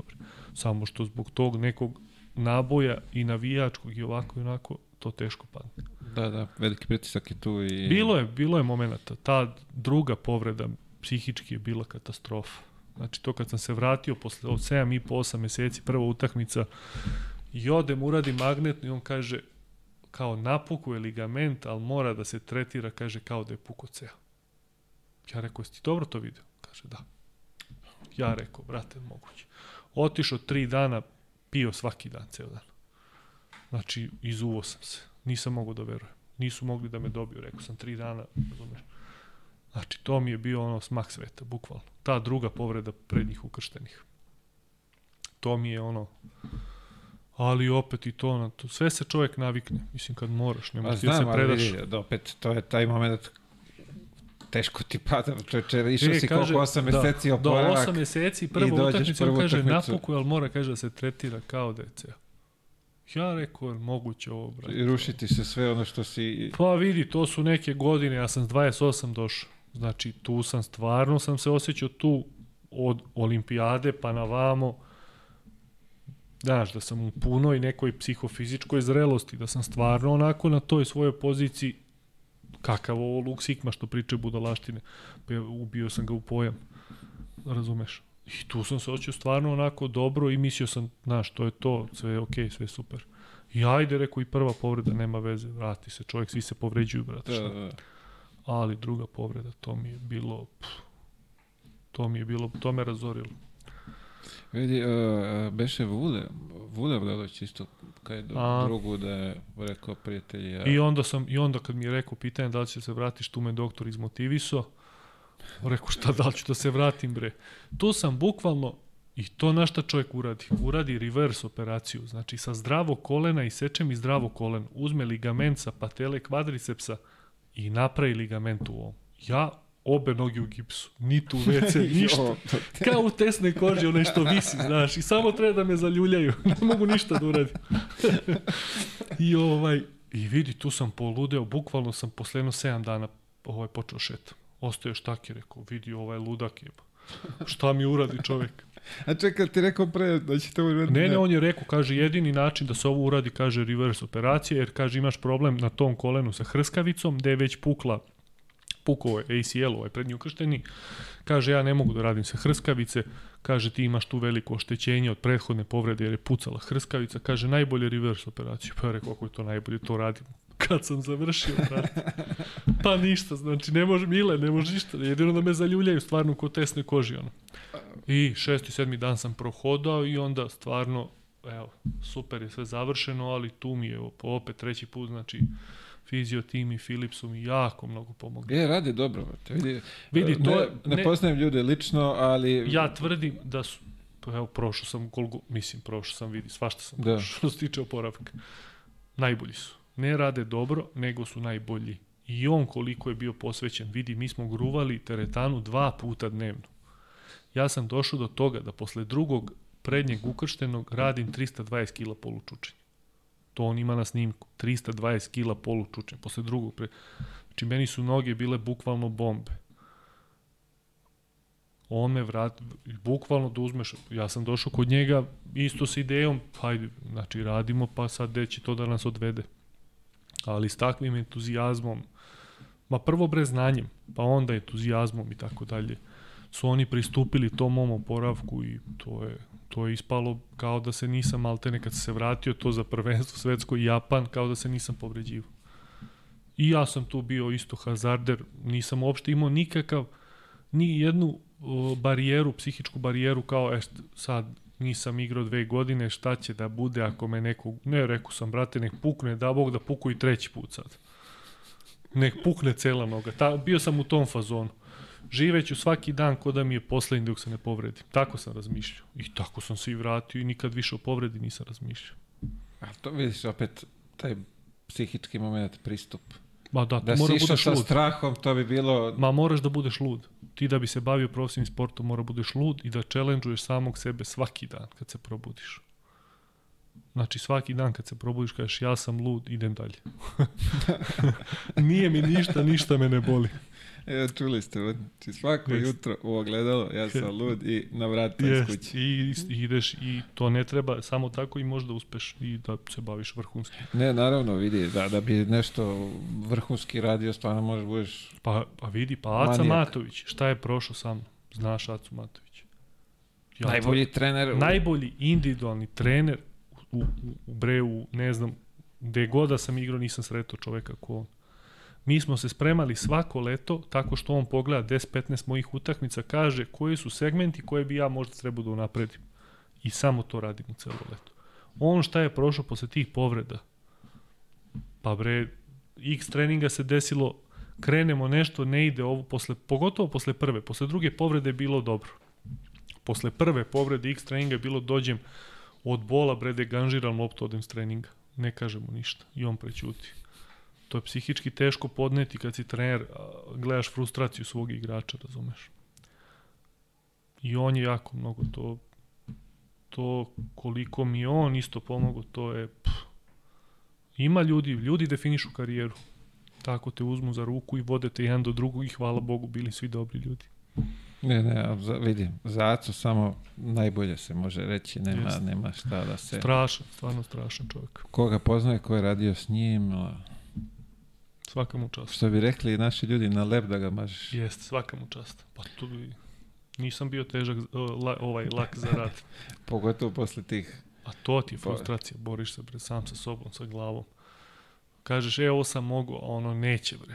Ne možeš da saviješ nogu. znači, nisi, sad se prilagodi na to što možeš sad. Da, da, da, da. da ne možeš nogu da saviješ.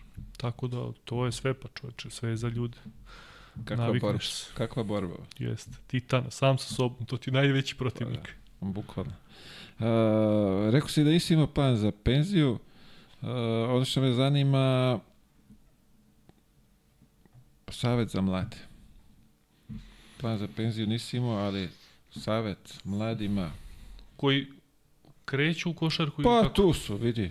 Da, ajde da uđu u Pa, profi ima- karijere, jer su po- započeli To bi profi rekao po, to bi prvo rekao potezam.